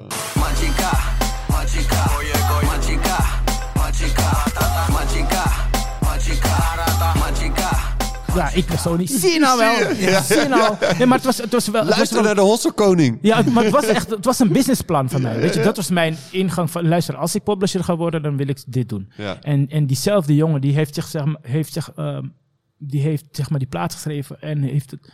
Het werd gewoon een single voor J Balvin. Je praat dan over honderden hij- miljoenen. Hij is de allergrootste toch in Ja, zijn eh, en, en, genre. en in diezelfde week schrijft hij nog een andere hit voor Nicky Jam. Die praat even anderhalf miljard streams, weet je, op, op- alleen op YouTube. Dus En- maar wat verdien jij dan aan dat hele als verhaal? publisher, dan zit je gewoon eh, aan de goede kant. in ieder geval meer dan met flyers. ja. Nee, dus, dus En meer ja, dan de jongen die het heeft geschreven. Ja. Ehm, ja, als publisher wel. Ja. Soort- ja, je verdient ongeveer gelijk. Maar Maar, Kleid, jij staat al 30 jaar aan de goede kant voor mijn gevoel. ja, maar dat, dat, was, dat was het ook. Kijk, het, het gaat er uiteindelijk om dat je op tijd, Hmm. denk ik, een beetje aan de bel trekt als het moet dan. Maar op tijd gewoon even een stap terugneemt en kijkt van, oké, wat ben ik nou precies aan het doen? En dat heb ik zeg maar altijd gedaan. Ehm, ook omdat ik wist van, het is gewoon belangrijk om dat soort dingen. Met Dirty Dutch heb ik dat ook gedaan. Ook voordat Dirty Dutch begon, maar ook na Dirty Dutch. Ook toen ik in Amerika kwam, weet je, en je doet zulke Maar en hoe, hoe, hoe doe je dat? Een stap terugnemen? Is dat gewoon echt thuis zitten, koken? Of, eh, Kijk, ik, ook, ja, ik hou sowieso van koken, maar het was meer zo van. straks nog ook even Ja, ja. Ik, ik hou van. Ik, ik, ik, ik had een tourmanager een tijdje, maar ik ben echt een Einzelganger wat dat betreft. Ik wil gewoon alleen reizen. En ik, dat is ook de tijd die ik gebruik om, zeg maar, om, om, of het nou lezen is, of een productie maken, of iets schrijven, of iets opschrijven, of een plan, hè, eh, eh, iets bekokstoven. Dat deed ik altijd gewoon op, op vluchten en als ik alleen was. En dat was echt, die vluchten, ik haatte lange vluchten echt. En op een gegeven moment ben ik dat gaan waarderen. En ben ik dat juist als soort downtime gaan gebruiken. Dus op een gegeven moment, als ik zag, hey, 14 uur vliegen, was het al in mijn handjes schrijven. Nee, maar dan ging ik echt zo'n vlucht voorbereiden in plaats van slapen. Dan was dat zeg maar mijn werktijd. En dat waren ook echt de momenten dat ik ging beseffen van, hey, dit, dit ga ik doen. Weet je, of dit wil ik gaan doen. Wa- Wat zijn de dingen die, die daarbij... Zijn er dingen die je gebruikt? Zeg maar een documentaire kijken of juist iets luisteren? Of, eh, of, of, ga, of ga je gewoon in stilte in jezelf? Ehm, nou, weet je wat het, het mooie is? Is dat do- door het reizen heb je zoveel succesverhalen om je heen. Weet je, ik, ik, heb, ik heb vaak genoeg voor, voor, voor royalties gedraaid. Of maar ook voor echt miljardair. Zo heb ik dus bijvoorbeeld ook eh, gewoon oud opnieuw twee keer meegemaakt. Ehm, Wauw. Ja, gewoon f- eh, Sydney, 31, 31 december eh, om 12 uur gewoon in Sydney. En dan 31 december om 9 uur s'avonds in Las Vegas zijn. Snap je? Dat doe je alleen met een eh, Boeing 747 private. Ja. Weet je, maar dat soort dingen, ja, dat, dat, ja. Ja, het is, ja, ik, ik, ik, ik- eh, omdat het nu voor mij zelf ook voorbij komt als een soort film. Maar het waren wel die momenten, weet je, ik, ik, ik had altijd wel zoiets van, oké, hoe ben ik hier precies weer terechtgekomen? Dan sta je met die mensen. Ja, misschien is die verbazing wat het ook vers houdt voor jezelf. Zolang je, Ja. zodra je gaat hangen erin en het Ja, gaat accepteren Als, als een echte werkelijkheid, dan ga je het misschien verliezen. Ja, en, en, en je moet er wel ook van kunnen genieten natuurlijk. Weet je, als je het allemaal vanzelfsprekend gaat zien, dan is het, weet je. Nee, dan kan je net goed stoppen. Ja, precies. En, en, maar zo benader ik zeg maar eigenlijk alles wat ik doe. Ook ik, ik, ik verplicht mezelf ook altijd van from scratch te beginnen. Al zou ik zeg maar de middel hebben om morgen een nieuw bedrijf te beginnen, wil ik het nog steeds beginnen met, met zoals ik altijd begonnen ben, met niks, letterlijk met niks. Ja. Weet je, en zo heb ik bijvoorbeeld ook Voltage als event ingezet. Die gasten dachten van, hé, hey, ik ga samen met Chucky een feest doen. Ja, nou, dat is genoeg budget om een dikke productie neer te zetten. Ik zei, nee, nee, nee, nee dit gaan we niet doen. het, moet, het moet from the ground up gebouwd worden, anders gaat het niet werken, weet je. En zo sta ik er wel altijd in, ja. Ja, en die, of, of je woont nog steeds in Aruba, maar ook deels hier. Ja, ik heb, ik heb eigenlijk... ehm, nog steeds mijn huis hier in Den Haag. En ehm, ook mijn huis op Aruba. En ik, in de normale tijd vlieg je natuurlijk heen en weer. Ja. Weet je? Ehm, hoe verdeel je die tijd dan normaal gesproken? Ehm, kijk, mijn kinderen wonen natuurlijk ook, zitten hier op school, gaan hier op, Mm. wonen hier. En ik, eigenlijk normaal gesproken was ik dan veel aan het reizen. Dus dan ging ik vaak na, na ik noem maar wat, na een boeking in Miami, ging ik naar Aruba. Een paar dagen daar blijven. Of ik ging dan door naar een boeking, weer naar Amerika. Of ik ging dan naar Nederland en ik bleef hier een paar dagen. En weet je, dat was wel, dat was wel echt mijn leven, gewoon het vliegen. Ja. Ehm, en daar probeer ik dus steeds meer die balans in te vinden. En doordat ik zei van, hey, ik doe er maar tien. En ik wil het, het liefst alles dicht bij elkaar of alles in de buurt. Eh, daardoor, ehm, ja, zo probeer ik die balans te vinden. En, en ja, eigenlijk gewoon een beetje steeds jong leren, man. En nu zit je hier eigenlijk sinds corona in Nederland. Ja, sinds corona zit ik hier eh, eigenlijk in Nederland. En eh, ik was eigenlijk aan het wachten om naar, naar Aruba te gaan. Maar het ging even een tijdje mis. Gisteren hebben ze volgens mij weer code geel afgekondigd. Eh, prima. Oh, ik Dus- dacht dat we daar wel heen mochten eigenlijk. ja, je mag erheen, maar het was gewoon, weet je wat is, als je op een eiland zit, dan heb je gewoon vaak met avondklok te maken en dat soort gekkigheid. Weet je, dat, eh, daar zit ik ook niet op te wachten, dus ik zat gewoon even gewoon hier en eh, andere dingen doen. Moet wel bizar zijn voor, die, voor je kinderen dat papa in één keer gewoon de hele tijd er is. Ik denk, wat doe jij nou? Ja, Ik ben ja, erg lang relaxte in. guy is het eigenlijk. Ja, Ja, ja, ja, ja, ja. The fuck doe Hey, jij thuis op vrijdagavond? Hé hey, papa, moet jij niet weer... eh, ja, ja, ja, ja. Nee, maar het, ja, tuurlijk, weet je. Maar dat is bonus gewoon, toch nu eigenlijk? Het- Geniet je er dan ook van? Ja, ik, ik geniet heel erg van het. Van, het- klinkt ook heel verwend hoor. Ik geniet heel erg van het bijna niks, van het niks doen, om het maar even zo te zeggen. Tuurlijk doe ik genoeg en ben ik veel op pad. Maar ehm, ik geniet er wel van, want ik, ik, ik, ik, heb het zo lang niet meegemaakt. Maar aan de andere kant, weet je, als ondernemer wil je gewoon bezig blijven, toch? Ja. Ja. ja. Maar goed, wat ben je aan het doen dan nu? Waar, waar ben je mee bezig? Waar gaan we beginnen? Ehm, ja, ik, ik, ik was vorig jaar, ik, ik wilde in de buurt van mijn huis, want ik heb een studio in New-Vennep, waar ik eigenlijk mijn hele platencollectie heb, van die ga ik never wegdoen. Ehm, dat is toch Maar 40 waarom daar? Ja, weet je, ik wilde altijd een studio hebben in de buurt van Amsterdam en dicht bij Schiphol voor, weet je, artiesten. En eh, ik deel het met Child's Play en die, die wonen daar in die omgeving. Eh, dus we hebben zeg maar daar kantoor en ook eh, pla- mijn platen en ook een studiootje. Maar ik wilde dus ook een studio dicht bij mijn huis hebben in Den Haag hier. Vijf minuten van mijn huis. En toen had ik eh, dicht bij mijn huis, eigenlijk in Wateringen dus, heb ik een, eh, een bedrijfsruimte gevonden waar ik dus een nieuwe studio aan het bouwen ben. En eh, ja, dat is twee verdiepingen. En op een gegeven moment dacht ik van ja, maar ik heb, ik heb dan één verdieping nodig voor, voor muziek. Wat de fuck ga ik op die tweede verdieping doen? een drukkerij. Eh, misschien. Ja. Nee, maar toen dacht ik van, nee, maar het was zo, het was zo want ehm, ja, vierkante meters moet je gewoon waarderen. En ik zat op een gegeven moment, dat heb ik echt Vier, geleerd. vierkante meters moet je waarderen. Ja, maar het is echt zo. Ik was in Las Vegas en ik zag gewoon, ik was in de Bellagio Hotel en ik zie gewoon de ene week, ehm, is, heb, je hebt zo'n zo'n zo'n escalator, hoe noem je dat, een roltrap. En er gebeurde gewoon niks zonder. En die week erop kwam ik daar weer. En er was gewoon een, ineens een juicebar onder die roltrap. En ik dacht, ja, it makes sense. Want elke vierkante meter moet je goed gebruiken. Dus ik had zoiets van... Ik zat op zo'n vlucht weer, weet je. En nadenken, nadenken. En toen dacht ik van, nou, ik, ik, ik heb niks aan acht bureaustoelen op de tweede verdieping. Ik heb er niks aan. Letterlijk niks. En ik belde mijn, eh, mijn ene oudste broer. En eh, die was vroeger natuurlijk eh, barber, kapper. En ik zeg tegen hem, joh, wil je niet gewoon boven op de tweede verdieping een, een kapperszaak doen of zo? Want dan, ehm, dan zijn de vierkante meters tenminste gedekt en het, er gebeurt wat nuttigs. Maar het is ook wel echt een leuk, want in, in, zeg maar in, in, in, in, de, de- in, deze, in onze cultuur is, is, is een kapperszaak wel een, hoe zeg je dat? Een, Ja, gewoon. ja, een, een soort cornerstone, weet je? Eh, ja, dus, dus dat was wel ehm, het idee, de studio, kapperszaak. Nou, dat ook gedaan. En ehm, nou, er, er staat dus nu een kapperszaak op de tweede verdieping. En sinds corona had ik gewoon geen zin om die studio af te bouwen. Dus ik zit gewoon, ehm, gewoon eigenlijk soort van te chillen. Maar die kapperszaak die gaat dus nu een tweede filiaal openen bij het Hollandspoor hier verderop. Oké. Dat wordt wel echt Hoe heet die kapperzak? Maak dan even een beetje reclame. Oh, Colors, ja, CLRS. Hm. Maar daar gaat dus een tweede locatie open. Maar die studio ga ik dus nu, nu wel afbouwen, want ik heb genoeg gechilled, vind ik. Ehm, dus dat is eigenlijk wat ik afgelopen half jaar heb gedaan. En ja, ik ga nog iets heel spannends doen hierna. En dat is wel echt de. Ik heb het ook altijd over de 100 miljoen dollar plan. En dat eh, ga ik eh, binnenkort uitrollen. Oké. Het is, eh, ja, het is spannend, want ik, ik, ik, ik zoek. ik wil mezelf altijd uitdagen. Maar is het muziek? Absoluut niet. Hmm. Dus het is, het is meer in de financiële sector. En ik ga daar zeg maar iets ontwikkelen. Ehm, of ik heb daar iets voor ontwikkeld waar ik in wil zitten en wat me gewoon echt boeit. En daar ga ik dus een beetje mee aan de slag. En dat is meer, maar dat is precies wat ik bedoel. Ik, omdat ik veel meer tijd heb, Ja. ontdek ik ook me- in mezelf, van mezelf, aan mezelf van hey, dit vind ik ook leuk en dit vind ik ook leuk en dit wilde ik altijd doen. En ik kom letterlijk aan al die dingen nu toe. Ja. Ja. En wat zijn dingen dan die je altijd hebt willen doen? Nou, ik wilde gewoon eh, altijd ehm, bij- bijvoorbeeld ehm, andere businesses. Ik wilde heel graag de horeca in, maar ik vind de horeca ik vind het tricky. Al helemaal deze tijd, weet je. Dus ik heb nog wel de droom om ooit een keer iets in horeca te doen, maar niet echt een hele grote club, maar meer zoiets als dit bijvoorbeeld. vind ik gewoon leuk. Ja. Ehm, ehm, ik wilde bijvoorbeeld ook iets in de financiële sector doen. Eh, omdat ik daar gewoon... Het boeit me, weet je. Ook omdat heel veel vrienden van mij, daar haal ik heel veel inspiratie uit. Want dat vroeg al eerder.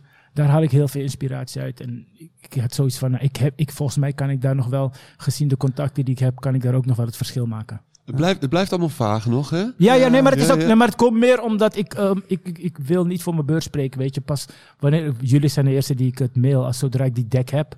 Hm. ehm, die moet, eh, die moet, ik ga straks dus een fotoshoot doen voor die deck. Ehm, die Maar daarom heb je een colbertje aan. Nee, die, mijn pakje is in de auto hoor. Dit is gewoon om daar netjes aan te komen, weet je. ja. Ehm, nee, maar ik- dus er zijn van die dingen die ik gewoon wil doen. Maar ik wil ook bijvoorbeeld, ehm, ik wil ook mezelf beter leren koken. Ik heb veel... Ik, Ja, ik- koken, daar moeten we het even Ja. over hebben. Ja, Wat, ja. eh, maar ik wil ook veel zin, dus veel- ik, ik doe veel aan zelfontwikkeling. Zo wil ik in deze coronatijd ook nog steeds, ik wil even mijn Spaans opvijzelen. Hmm. Eh, dat soort dingen, zo weet je. Gewoon veel, veel... leren gewoon. Ja, veel leren, ja. Ja. Ja, ja. En als je dan kookt, wat is dan je, ja, je signature dish? ja, ik heb niet echt een signature dish, maar ik, ik kook wel... Ik hou wel van comfort food. Echt comfort food. En, en dat wordt... Dat, dus waarschijnlijk is het gewoon een gebakken rijst, een soort nasi of zo, weet je. En, en die nasi bestaat meestal uit dingen die je van, van de afgelopen dagen die nog in de koelkast liggen. Zoals het hoort gewoon. Ja, Ja. precies, weet je. Maar ik, ik, ik, ik ben echt een Surinaams kindje wat het betreft en wil de hele dag Surinaams eten. Dus ik probeer gewoon wat. Uh, maar daardoor leren het wel, weet je. Um, en ik wil heel graag traditioneel leren koken. Zo wil ik een keer drie weken naar Thailand of zo. Ja. Om daar te Om te koken. koken. Ja, maar ik wil vooral dat doen, zelfontwikkeling. En wat is het beste uh, Surinaams restaurant in Den Haag? Is het Waarom Mini? Uh, moeilijk, man. Er zijn Promo? Pff, moeilijk. Want ik, ik, ik, ik, eet overal zeg maar één ding. Bij Warung Mini eet ik bijvoorbeeld een broodje garnalen. Bij Ja. Kromo eet ik een sauto. Ja. Bij Fatke eet ik die kip peperzout. Ja, Die- ja, die- tuurlijk. Die legendarische kip Ja, ja, peperzout. Maar niet meenemen, die shit. Want dan wordt hij dus helemaal, Helemaal eh, zacht. zacht. Ja, man. Dus ja, dus, ja het, is, het is toch met, al met al... Maar Waarom Mini is groot geworden, hè? Ja, bizar hè? XL zijn ze nu. Ik ken ze nog. Dat ze, dat, ja, Ja, man. dat je in die spiegel zat te kijken Ja. naar die guy achter je. Wij aten er iedere week. Ja, en- ja, je- ja, precies. ik woonde Dat daar is om de echt hoek. klein. En nu is dat alleen de keuken eigenlijk. Ja, Ja. ja. ja, Maar ik- het was, het was ook echt een gouden move voor hun om uit te, uit te breiden. Ja, man. Maar dat hij ook Waarom Mini XL heet. Ik zei gewoon ba, bal in. Ja, toch, maar dat, dat, hebben ze, dat hebben ze volgens mij gehuurd van die tent ernaast, hè? Ja. van die Kameta. Ja, van die tapijten. Ja, waar van je die dus, tapijten. als je een uitkering hebt, dan krijg je, kan je volgens mij, eh, als je dan voor je uitkering op het stadhuis komt, kan je daar een eh, bonnetje halen. Kan je met je bonnetje eh, je tapijt bij Kameta met zoveel procent korting halen. Ja, het is echt classic. Ja, voor de mensen die niet uit Den Haag komen, Amsterdamse Veerkade is het. En Amsterdamse veerkade. Let's Ja, go. ja. Is legendary hoor. Als ik met Steve ga eten, gaan we altijd naar Mini. ja. En dat is ook het enige restaurant eigenlijk waar je dan eh, ook een AA'tje kan drinken. dat vind ik vooral chill. ik, ik, ja, ik vind, ik, vind het gewoon, ik vind het gewoon tof dat je. Dat, dat, ik vind het tof om te zien, maar dat heb ik altijd gehad om, om dat soort ondernemingen eens te zien bloeien, weet je. En, Ja, man. en extra kut om te zien natuurlijk dat het nu gewoon ineens dan dicht moet. Want die gasten nou, die draaien volgens mij een partij omzet. Ja. Wil, willen we niet weten. Of Want, Ja, want ze zijn groter geworden, maar het, zit, het is nu ook veel drukker dan... Ik had het idee dat ik er vroeger altijd kon zitten. Ja. En nu het groter is, is het, eh, is het toch altijd ingewikkeld. Maar het is met de take- takeaway staat er nog steeds een rij hoor daar. Ja, ja, ja. Ja, nou, eh, altijd. ja. Hey, eh, je platencollectie zei je dat die, dus in bij kantoors. Hoe ziet je platencollectie eruit? Is dat eh, helemaal netjes gesorteerd op genre, alles in plastic hoesjes? Kijk, door corona kon ik het bijna, dus was ik het aan, weer aan het sorteren. Want Ah. ik wilde alle muziekstromingen bij elkaar hebben. Ehm, maar het is, het is niet gesorteerd. Het was, eerst, vroeger was het wel gesorteerd en toen heb ik op een gegeven moment met verhuizingen gewoon in die muur gekwakt. En nu is het, probeer ik het, ik heb afgelopen week, of een paar weken geleden was ik met sorteren bezig. Ik heb nu wel alle drum en bass bij elkaar, alle house bij elkaar. Eh, alle hip-hop een beetje soort van bij elkaar. Alle, alle obscure platen in een hoek, weet je, alle breaks. In een hoekje, ja. Ja, in- Obscure platen in het hoekje. ja, ja, ja. Eh, hoe is die verdeling? Hoe, hoeveel, hoeveel procent is hip-hop, denk je? Ehm, ik denk sowieso de helft is hip-hop. Ja. En, en, en dan daarna is breakbeat, drum en bass. Hm. Daarna house. En dan de rest. Ja. Ja, maar het is, ja, ja. Dat is het ongeveer. Draai je veel drum en bass dan? Nee, ik, ik kom wel echt uit, ik kom wel echt daar uit die hoek, om het maar even zo te zeggen. Het was namelijk zo, 1988 woonde ik nog in Amsterdam. En er was een piratenzender die, die kon ontvangen op mijn stereo. En, en die draaide breakbeat, weet je. En dat waren gewoon versnelde funky drummers en dat soort dingen. En ik, ik, ik was gewoon aangetrokken door die breakbeat. En, en, en doordat... Je had altijd die breakbeat platen en op een gegeven moment ergens in het midden kwam, kwam die voor to the floor kick. Maar dat, daar vond ik het al niet meer interessant. Ik wilde altijd die breakbeats hebben, want dat had natuurlijk soul. Eh, maar daardoor was ik wel ehm, eigenlijk een soort van in elektronische muziek, in elektronische muziek geraakt. eh, door breakbeat. Dus ik ben mijn. De eerste platen die ik kocht waren ook allemaal breakbeats en dat soort Mhm. dingen. Ehm, je had gewoon labels uit Engeland als Night Force, eh, waar, ik een heel, waar ik heel veel van heb. Dus daar, daar, ja, daar ben ik be- begonnen. En toen kocht ik. Je kocht alles wat er, wat er aan import binnenkwam. En ja, Rhythm Import kocht dan heel veel, weet je, van. van Strictly Rhythm of van, Ja. van Nervous Heb, of heb, je, heb je het uiteindelijk eh, bereikt dat je je eigen vakje had? Ehm, nee, man. echt, echt. Ik had, ik, ik had, ik had wel het, het, ik had wel het oude vakje van DJ Jean. die kwam er op een gegeven moment niet meer. En ik, ik, ja, ik weet niet wat er gebeurde. Volgens mij was hij overgestapt op cd's, maar ik had, nog, ik had zijn vakje bij Rhythm Import. ja, dat was natuurlijk. Weet je. Eh, Maar ook gewoon ehm, dat, je, de- dat je gewoon zoveel geld uitgaf aan platen. What the fuck was dat? Mm. Je had het net ook over dat, eh, dat je dromen klein waren in het begin en dat ze steeds, steeds groter eh, Ja. werden. Ja. Hoe, eh, hoe zien die dromen er dan nu uit als je Die droom mee hebt is- gemaakt wat jij hebt meegemaakt? die droom is nu letterlijk, het heet de 100 million dollar plan. En, en, en ik, ik ga er gewoon achterna, weet je. Ehm, ik heb eigenlijk op DJ-gebied heb ik letterlijk alles meegemaakt. En ik denk wel zelf meer dan zelf de grootste DJ's. Omdat ik heb, ik heb gewoon ehm, voor, voor hele interessante klanten gedraaid. Om het even klanten te noemen. Maar hele interessante mensen gedraaid. En ik heb echt letterlijk alles meegemaakt. Als ik morgen dood zou gaan, dan Ja. kan ik in ieder geval zeggen, ik heb echt alles meegemaakt, weet je. Dus ik heb, ik heb de tofste feesten gedraaid, eh, de meest, de, de meest high-end feesten, maar ook echt de, de meest bizarre locaties. Ik heb ook voor, eh voor gemeente daarna gedraaid, ik heb ook voor de politiekorps daarna gedraaid, eh, in Statenkwartier, ja echt hoor. Zelfde middag nog een boete gekregen ook. Iemand stuurde mij nog een berichtje van, want ik zei we gaan opnemen met Chucky. Zei ik kan me nog Koninginnennacht herinneren in een steeg. Chucky was aan het draaien, of nee, Chucky was aan het draaien op Koninginnennacht en om de hoek werd iemand doodgeschoten. Ja, ja, ja, ja. Ja. Maar dat, dat, ik, heb, ik, heb, ik heb echt, wat dat betreft heb ik echt alles meegemaakt. Wij gaven vroeger ehm, ergens bij de Herman Kostenstraat, bij Pokrugelaar in de buurt, gaven wij een blokparty. En nou, dat gaven, dat gaven we dus zelf. Maar ik praat dan echt over eh, mid jaren negentig. En ehm, ja, er werd gewoon iemand geschoten tijdens die blokparty. En dan hoorde je gewoon zo'n zo'n zo'n band die we gratis konden regelen, die Latin muziek speelde. Die speelde dan Carolina, bam, bam. En op de achtergrond hoorde je... Iedereen rennen, maar dat, ja, dat soort dingen smaakt je gewoon vaak genoeg mee. Ja, om, en, ja, en dan sta je uiteindelijk in, in, in, in, in bijvoorbeeld in Las Vegas, of je staat voor een of andere koninklijke hoogheid te draaien. Denk je, oké, hoe ben ik hier terechtgekomen? En dat is wel altijd het ding, weet je? Ja. Ja. Las Vegas, is het vuurwerk? Eh, is die hele show helemaal getimed? Of is dat... eh, Ehm, iedereen zijn show was een soort van getimed, maar ik, wil, ik wilde dat niet, omdat ik, ik, ik, ik kan dat gewoon niet. Ik, Nee. Zelf met Dirty Dutch kon ik dat ook niet. Ik kon niet zeg maar, zo'n hele mooie stinkshow maken zoals iedere EDM-DJ. dat- Ik kan dat gewoon niet. Nee. Het zit niet in me. Ik kan misschien die eerste, die eerste plaat, weet je, met vuurwerk en zo, zelf dat liep niet helemaal zinken, omdat ik, het zat gewoon niet in me om dat soort dingen heel goed voor te bereiden. Ik wou wel dat ik die, die guy was die dat altijd deed. vond, vonden ze dat irritant ook daar? Uh, nee, dat, dat wilden ze juist eigenlijk wel. Ja? Maar ik, ik had altijd zoiets van, weet je wat het is? Het is Las Vegas en het gaat altijd alle kanten op. Ja. Weet je, en, en het, je moet, er moet genoeg ruimte zijn voor spontaniteit. En zo had ik het ook ingedeeld. En op een gegeven moment wisten ze van, oké, hij pakt het zo aan en hij pakt nu zo'n blok. Dus we kunnen daarop heel goed op inspelen. Die man was zo goed om daar te zinken, weet je. Maar in, in, in Nederland was het je broer die altijd zei van... laten we in ieder geval investeren in die show. Ja, ja, ja. En eh, hoe zat het daar in, eh, in Dirty Dutch in, in Las Vegas? Was je broer daar dan ook Nee, nee, want dat, kijk, Amerika is natuurlijk een heel ander beest, weet je. ja, en, ja. en, en ik wilde het ook wel meer die Amerikaanse vibe Ja, laten hebben. Anders zou ik ook niet met Little John werken. Had hij wel Brainpower op die plaat gezet of zo met David Guetta, snap je? Nee, maar dat was Zou wel wel... sick zijn, Brainpower en David Guetta. Ja. maar ik wilde, ik wilde gewoon dat het zeg maar, zich echt, weet je, aan Amerika ging adapten, aan, aanpassen.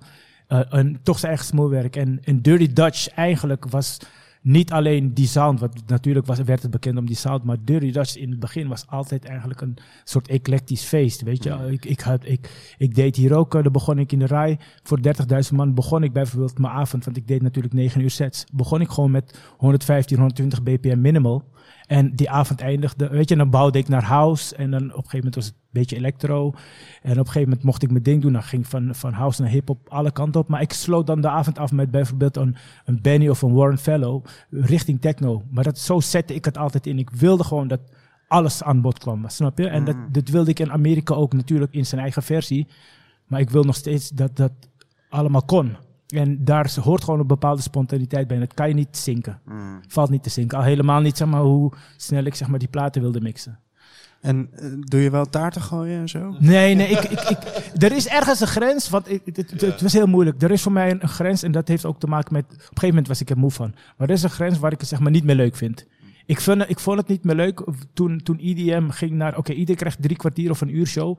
En wat gebeurt er als jij een drie kwartier of een uur hebt voor een show? Je gaat heel erg... Kanalen, kanalen, kanalen, Ja, kanalen, ja, kanalen. En alleen je gaat, maar hoogtepunten, Alleen maar hoogtepunten. hoogtepunten. En alles in één set proppen, weet je. Wat gebeurt er dan? Er zit heel weinig diepte in die muziek. Ja. Snap je? En iedereen gaat met een soort herkenning komen, met een soort herkenbaar iets. Ik noem maar wat Nirvana met een soort harde drop. Weet je, dat, Ja, gebe- ja, ja. dat was dan. En dan volgend jaar deden ze weer hetzelfde, maar dan met een andere drop. En dat, ik werd gewoon EDM en festival moe. En ik zocht het heel erg weer in de clubs, die gezelligheid. En gelukkig natuurlijk voor mij had ik ehm, Las Vegas, weet je, dus die kleinere clubs en VIP-clubs. Maar ook ehm, als ik dan bijvoorbeeld noem wat in Duitsland of moest draaien of Hongarije of zo, dan was je weer heel erg in een soort underground clubje. En dat was dan, vond ik dat weer tof. En daarom klopt het voor mij ook dat als ik in Den Haag kwam, dat ik gewoon voltage deed in het paard.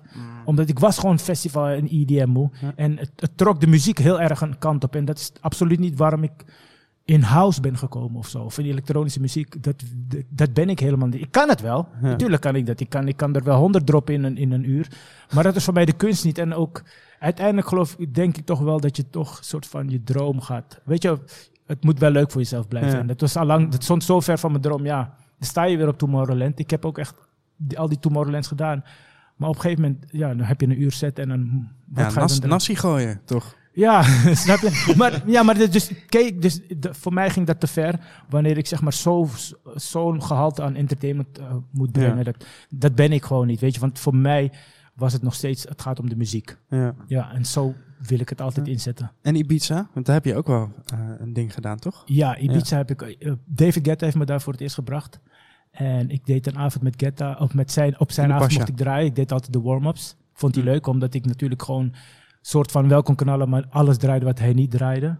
En ik heb toen ook twee jaar lang, of nee, drie jaar met Erik Morillo eh, op zijn avond gedraaid. En ik heb zelf twee jaar Dirty Dutch gedaan in, in Pacha. Ja.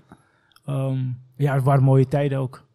Ja, echt, Ja. eh, echt, echt bizar hoor. Eh, hoe snel dat eigenlijk gaat. En besef dat dit allemaal natuurlijk gebeurde in, het, in 2010, 2016 gebeurde. En die, Pacha, die, die Ibiza residencies en die gekte in, in Amerika en over de wereld vliegen en, en verhuizen naar Aruba en, en ondernemen en gek doen. Besef, besef je wel dat jij wereldwijd het, het beeld van over de Nederlander hebt verpest, hè? Met dat Dirty Dutch concept.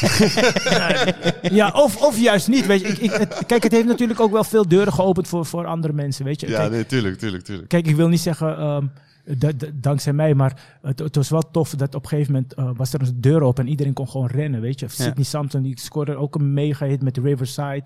En het ging ook gewoon door het dak. En weet je, en, en Afrojack, daar wil, daar wil je al helemaal niet over beginnen. Die is Ja. helemaal maal, on- maal tien. Ja. Weet je, dus ehm, het, het- er ging wel een deur open en dan had je die lichting en die lichting daarna, weet je, de Hartwells en de Martin Garrix en ga maar door. Ja, tof. Maar ehm, ook daar merkte ik van, ik ging toch, als ik dan op die festivals was en ik had mijn set gedaan, ja, trok ik toch weer uiteindelijk naar waar ik het eigenlijk leuk vond. Dan, dan ging ik weer naar Local Dyson Stage of zo, want daar vind ik het tof. Ja, Snap je? Want daar, dat is waar ik me eigenlijk thuis voel. ja Gek. toch gewoon house. Ja, rhythm. gewoon, gewoon, gewoon house, weet je. Eh, ik, dat is wel grappig, want ik ken Loco Duis ook uit zijn hip-hop tijd. En ehm, dat, is- dat is ook wel leuk hoor, want ik, op een gegeven moment ging ik dus, eh, zag, ik, zo- zag ik hem vaak in het buitenland, met name in Miami, Club Space. En eh, op een gegeven moment dacht ik van, hey fuck man, dit is wel echt wat ik tof vind. En toen eh, ging ik eh, ging door mijn oude platen en ik ging ook door oude producties die ik nog had liggen. En ik had een plaat die ik op mijn eigen label had uitgebracht. En ik stuurde naar Dice. Ik zeg, Dice, luister dan. Maar deze plaat, volgens mij ga je het ook wel draaien. Die plaat heet The Watcher.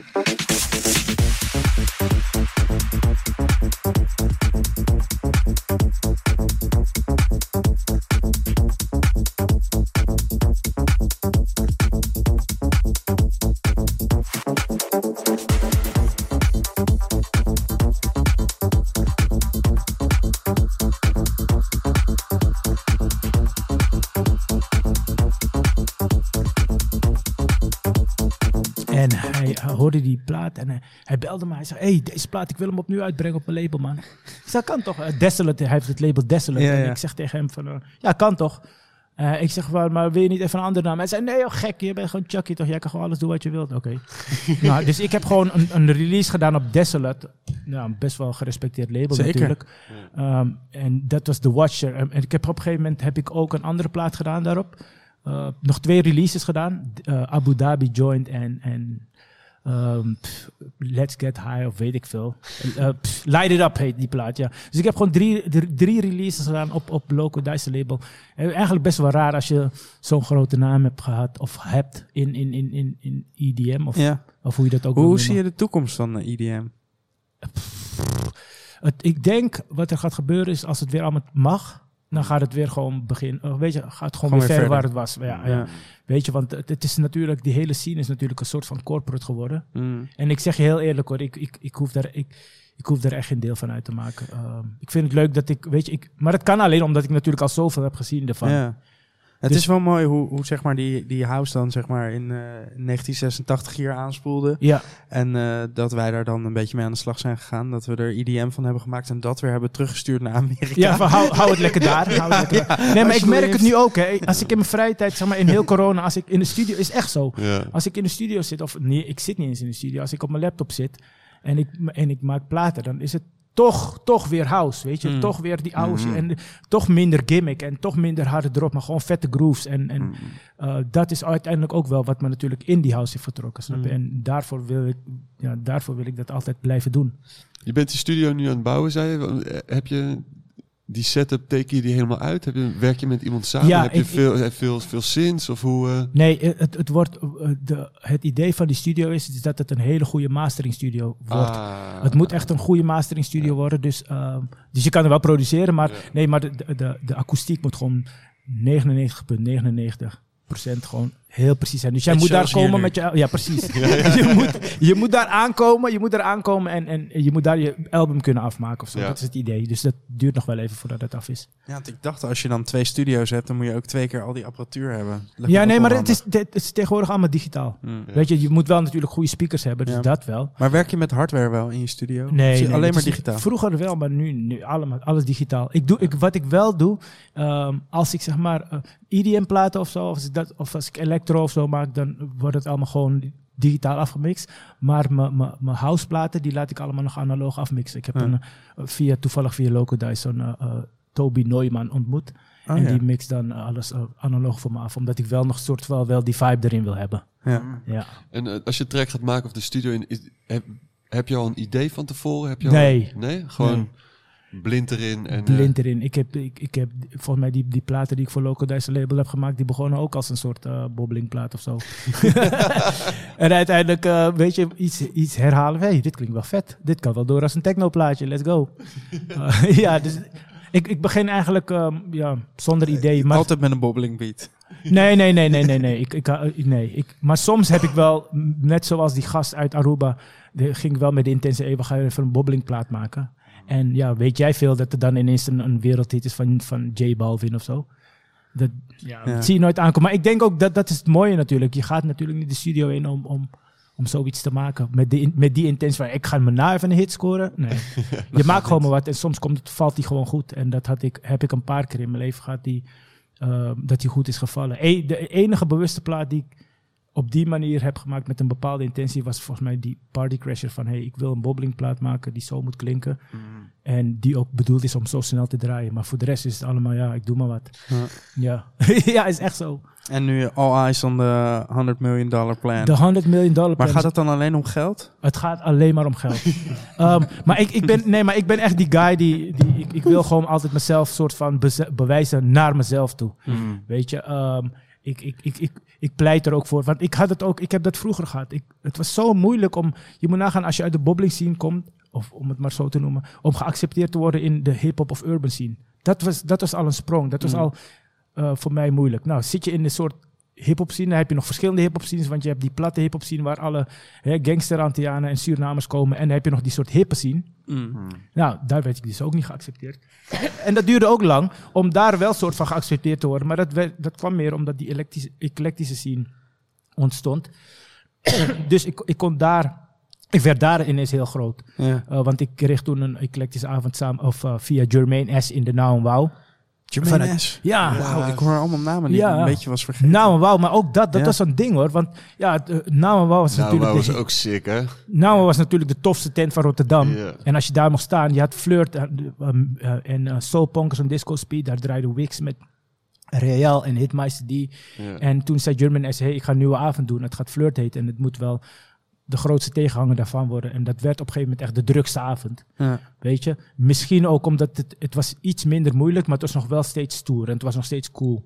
Maar daar er was het iets meer mainstream en het werkte wel. Maar om daar geaccepteerd te worden, was ook een dingetje. En toen op een gegeven moment was ik zeg maar de grootste, of waarschijnlijk de grootste in, in de urban eclectic scene, om het maar zo te noemen. Nou, ga dan maar naar de house scene. Hoe, Ja. hoe ga je dat doen? Weet je? Dan moet je daar ook nog geaccepteerd worden. Iedereen die denkt van ja, ik zie hem al aankomen. Maar dat was ook een ding. Dus ik Bewijzen gewoon. Je wil ik, gewoon wilde, de ik wilde bewijzen, mezelf ja. bewijzen. En niet eens zozeer naar mensen doen, maar meer, meer naar mezelf toe van, kan je dat klaarspelen? En ik weet, ik wist dat ik zeg maar de platencollectie ervoor had. Snap je? Ik wist ook dat ik gewoon volledige house sets kon neerzetten. Dus ik wist ook dat als, als Peter mij belde voor, voor Mellow Moods, dat ik gewoon een avond kon vullen. Niet van, en ik deed daar geen concessies, want als ik zeg maar house draai, dan wil ik wel house draaien. Niet van, oh ja, het is een hip-hop DJ die house draait. En andersom is het ook zo. Als ik hip-hop draai, moet ik gewoon klinken als een hip-hop DJ. En dat is waar voor mij steeds de uitdaging ligt. En ja, Maar wat ben je dan het meest?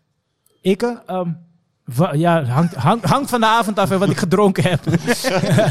nee, maar ik, ik, ik weet wel dat ik, ik, ik, de meest bevredigende avond voor mij zijn als ik zeg maar een zes uur lange house set heb gedaan of zo. Ik vind, ik, eh, geloof me, ik vind hip-hop, want ik ben, ik ben eigenlijk gewoon in hart en nieren hip-hop. Ik vind het, dat is mijn muziek, daar, dat ben ik, weet je. Maar ehm, ik heb gewoon veel meer voldoening uit zo'n lange avond. Dat, misschien omdat het gewoon een soort lange rit is, weet je. Mm.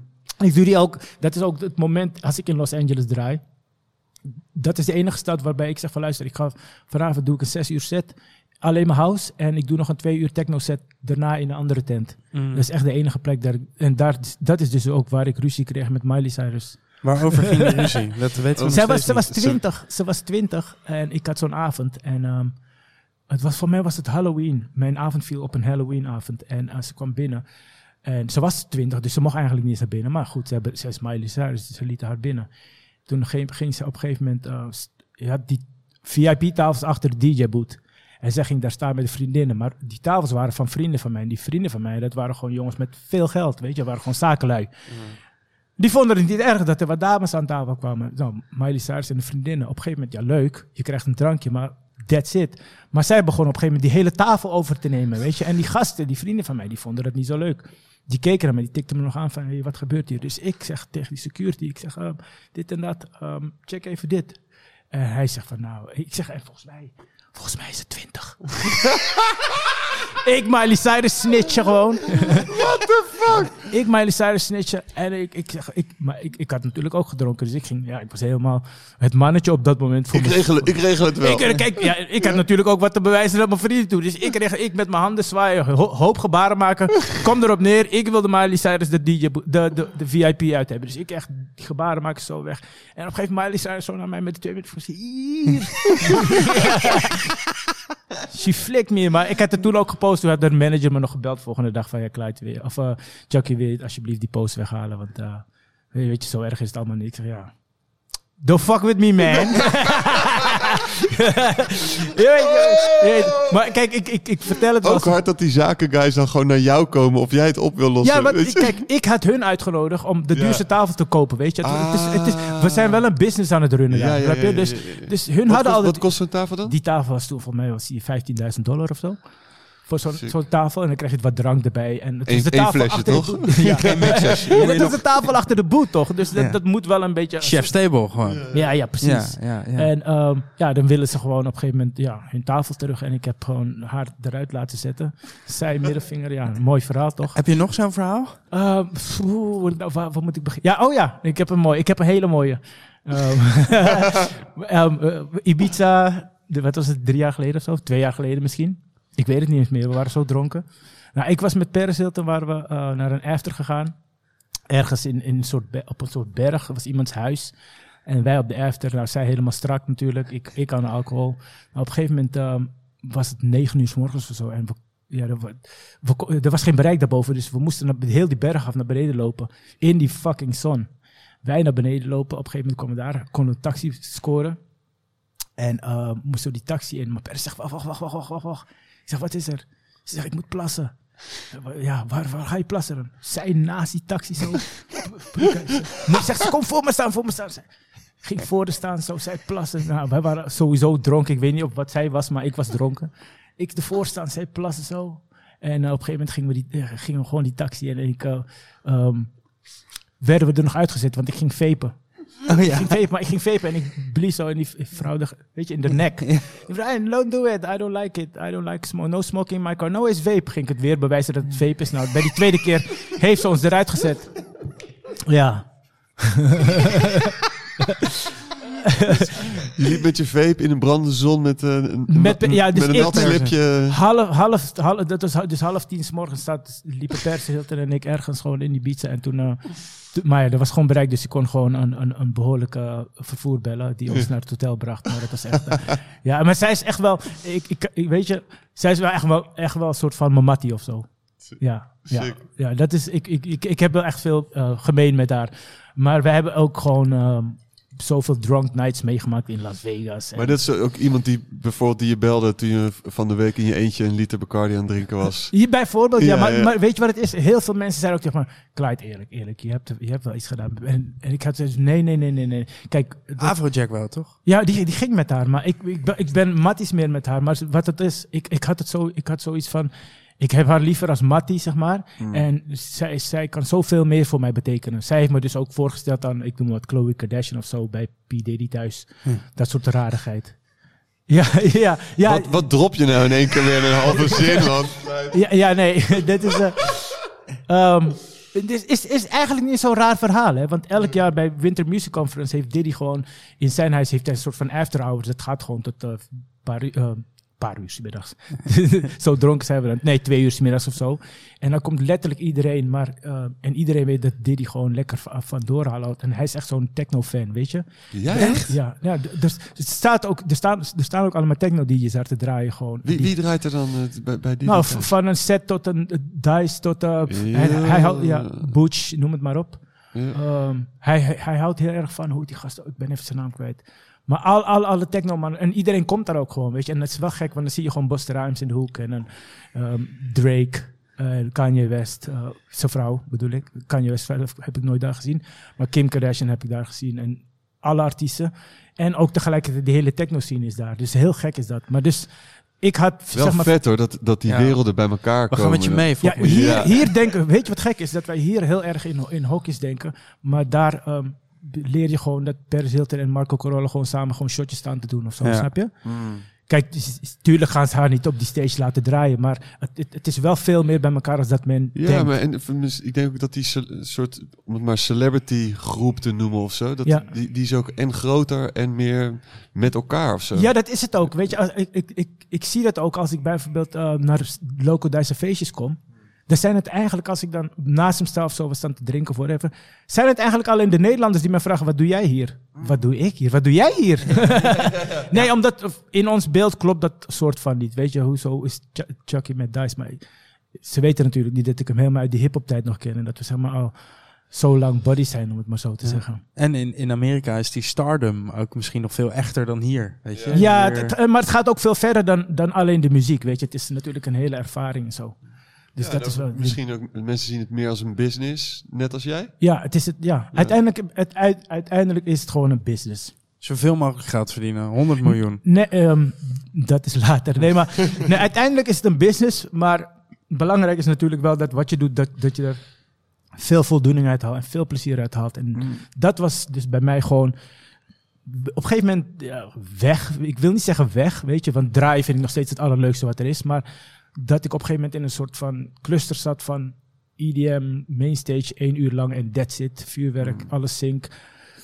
Nirvana met een drop. Ja, dag. Ik ben er helemaal klaar mee. Snap Maar je? gek dat eigenlijk succes dan ook je, je in een soort vacuüm plaatst. Ja, ja, zeker. je, moet dat trucje, je moet... de- Ja, dat is zeg maar die hele. Eh, eh, op een gegeven moment ontstond er gewoon een EDM-format. ja, ja, precies. Weet je, en waar ik gewoon simpelweg niet aan toe kan geven. Dat is ook denk ik de reden waarom ik zeg maar net niet, niet, eh, niet 1 miljoen volgers heb en de rest wel. Is omdat ik kan gewoon, ik ben niet die guy die dat doet. Weet je, ik kan niet aan die EDM format toege- toegeven. Gewoon, oh ja, dat, is, dat, dat kan ik gewoon niet, nee. Ik ben, ik ben misschien, misschien is het omdat ik te tegendraads ben. Misschien is het omdat ik een eigen, gewoon eigenwijs ben. En misschien is het omdat ik altijd verder kijk dan dat. Dat kan het wel zijn. Maar dit is voor mij de- definitely not de, zeg maar, het eindstation of zo. En dat is ook waarom ik zoiets had van, oké, ja, weer, weer, weer Tomorrowland Mainstage, weer hetzelfde trucje. Eigenlijk dezelfde nostalgie met een nieuwe drop. Ja, Ja. ik kan dat gewoon niet. Nee. Ja. Nou, ik vind het vet dat je daar aan Ja, vasthoudt man, en er ik niet meegaat. Ja, maar het is, weet je, het, het, het brengt me ook veel, veel verder van wat ik eigenlijk wil doen. Weet je, ik wil ook gewoon, zeg maar, dat internationaal succes hebben, maar ik wil ook gewoon met jou kunnen praten van, hey, hoe gaan we hier even een vette houseavond neerzetten?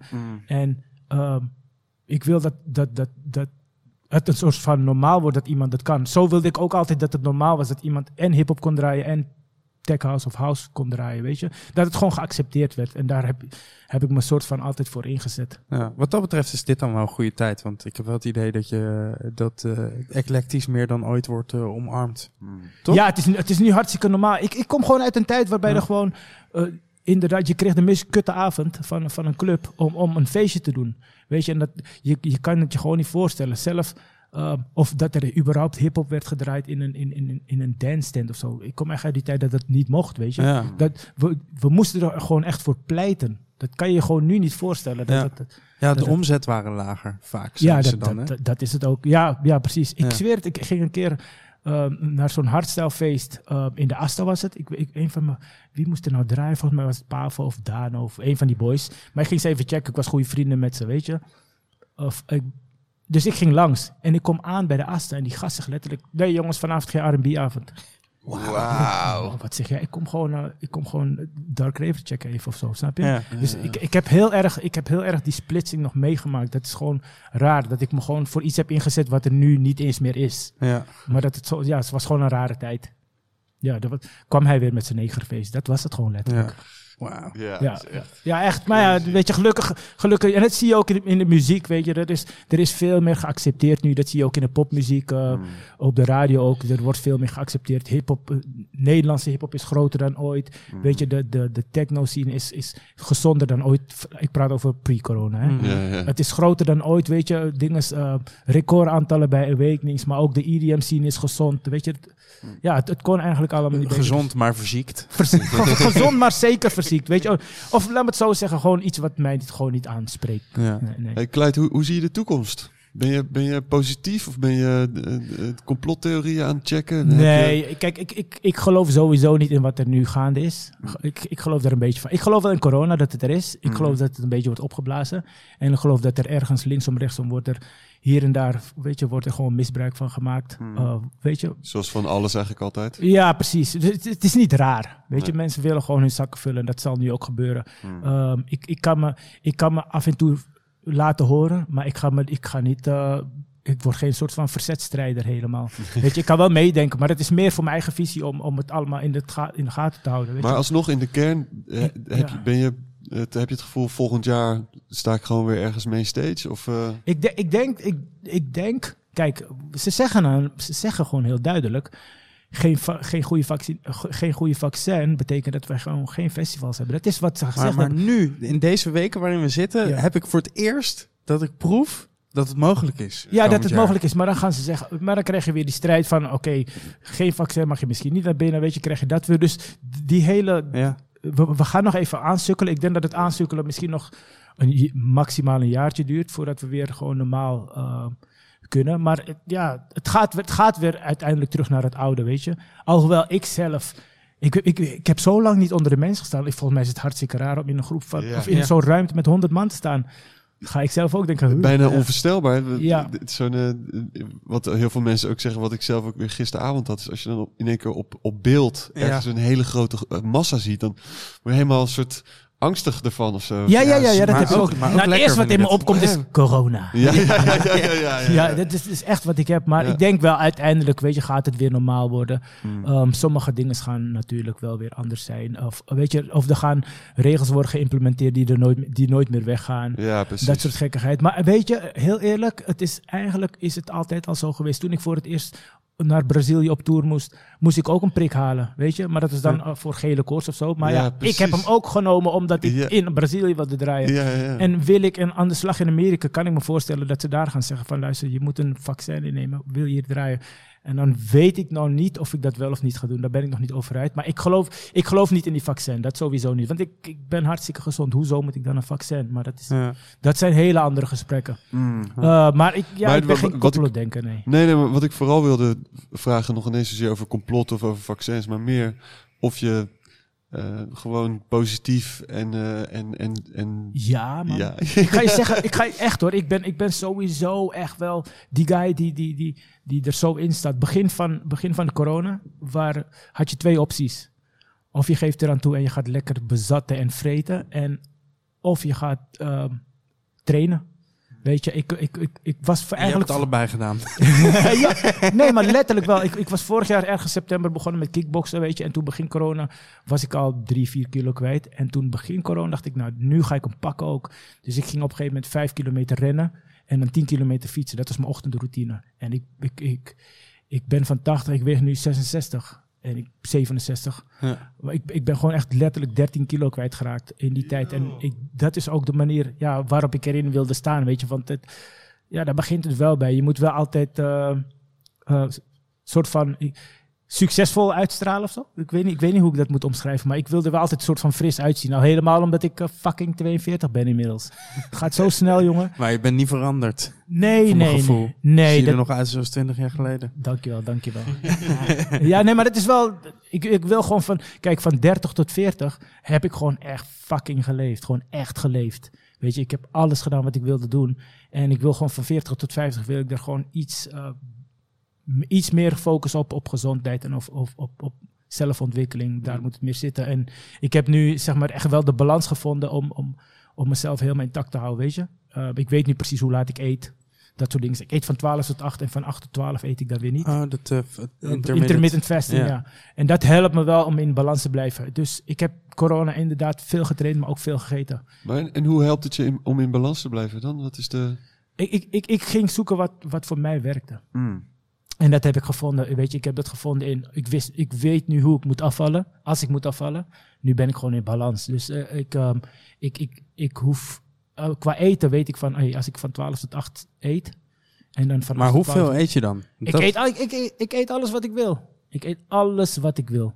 Maar ik, ik hou gewoon aan van 8 tot 12. En dan heeft mijn lichaam 16 uur de tijd om het te verteren. Van 12 tot 12 8? tot 8. Oh, sorry, ja, van 12, dus Ja. 12 uur s middags tot 8 uur s avonds eet je. En dan van Ja. 8 uur s avonds tot de volgende dag 12 uur eet je niet meer. Ja. Maar nu is het 1 Ja. uur. En je kan, ja, ik En heb je kom door honger? jullie. Ja. nee, maar daardoor, ehm, daardoor ehm, heb, ik, heb ik die balans gevonden, weet je. Ja. En dat is dan één, de gezondheid getekend. En dan is het nu, wat ik zeg, weet je, ik heb nu tijd zat om en mijn studie af te bouwen en, en, en te produceren. Maar ook gewoon om, om, om mijn Spaans weer op te vijzelen. En ik wil er nog een andere taal bij leren. En ik wil nog leren traden, dat soort gekkigheid. Ja. Ehm, ik heb gewoon de tijd, eh, omdat ik ook daarop heb ingezet. En daar heb ik niet nu pas op ingezet. Het is al sinds 2016 heb ik daarop ingezet om nu dit te kunnen doen allemaal, snap je? Ja. Dus dat is, ja. Ja. Maar daar, zo heb ik mijn balans gevonden. Drink je koffie? Ehm, ik dronk een tijdje koffie totdat ik merkte dat ik er soort van... Ik had het nodig in de ochtend. dacht ik, wat de fuck is dit? Je hebt helemaal geen koffie nodig in de ochtend. Toen ben ik weer teruggegaan naar mijn oude, gewoon oude vertrouwde thee. Ja, je laat het Ja. zakje gewoon erin zitten. hè? Ja, ik ben, ja, maar dat is echt, dat heeft denk ik ook met eh, mijn leeftijd te maken. Op een gegeven moment leer je thee waarderen. Heb ik in het buitenland geleerd hoor.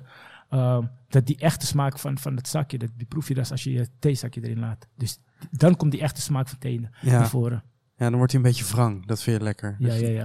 Je, je bek, bek maar er, er- er is, wordt. ja, ik, er is zoveel meer dan Pickwick, wist ik Ja, veel. ja, ja, ja. dat leer je allemaal dan, hè. ja, man. Goed, Clyde. Thanks, man. Ja, sowieso. Ja man, onwijs bedankt. En eh, fijn dat je weer terug eh, in Den Haag bent. Het is toch een goed gevoel. Ehm, ja, en ehm, ja, ik, ik, ik denk dat we nog heel veel, heel veel leuke dingen kunnen doen in Den Haag. Eh, als we weer mogen natuurlijk, hè. Zolang Paris Hilton maar langskomt, vind ik alles best. En P. Diddy.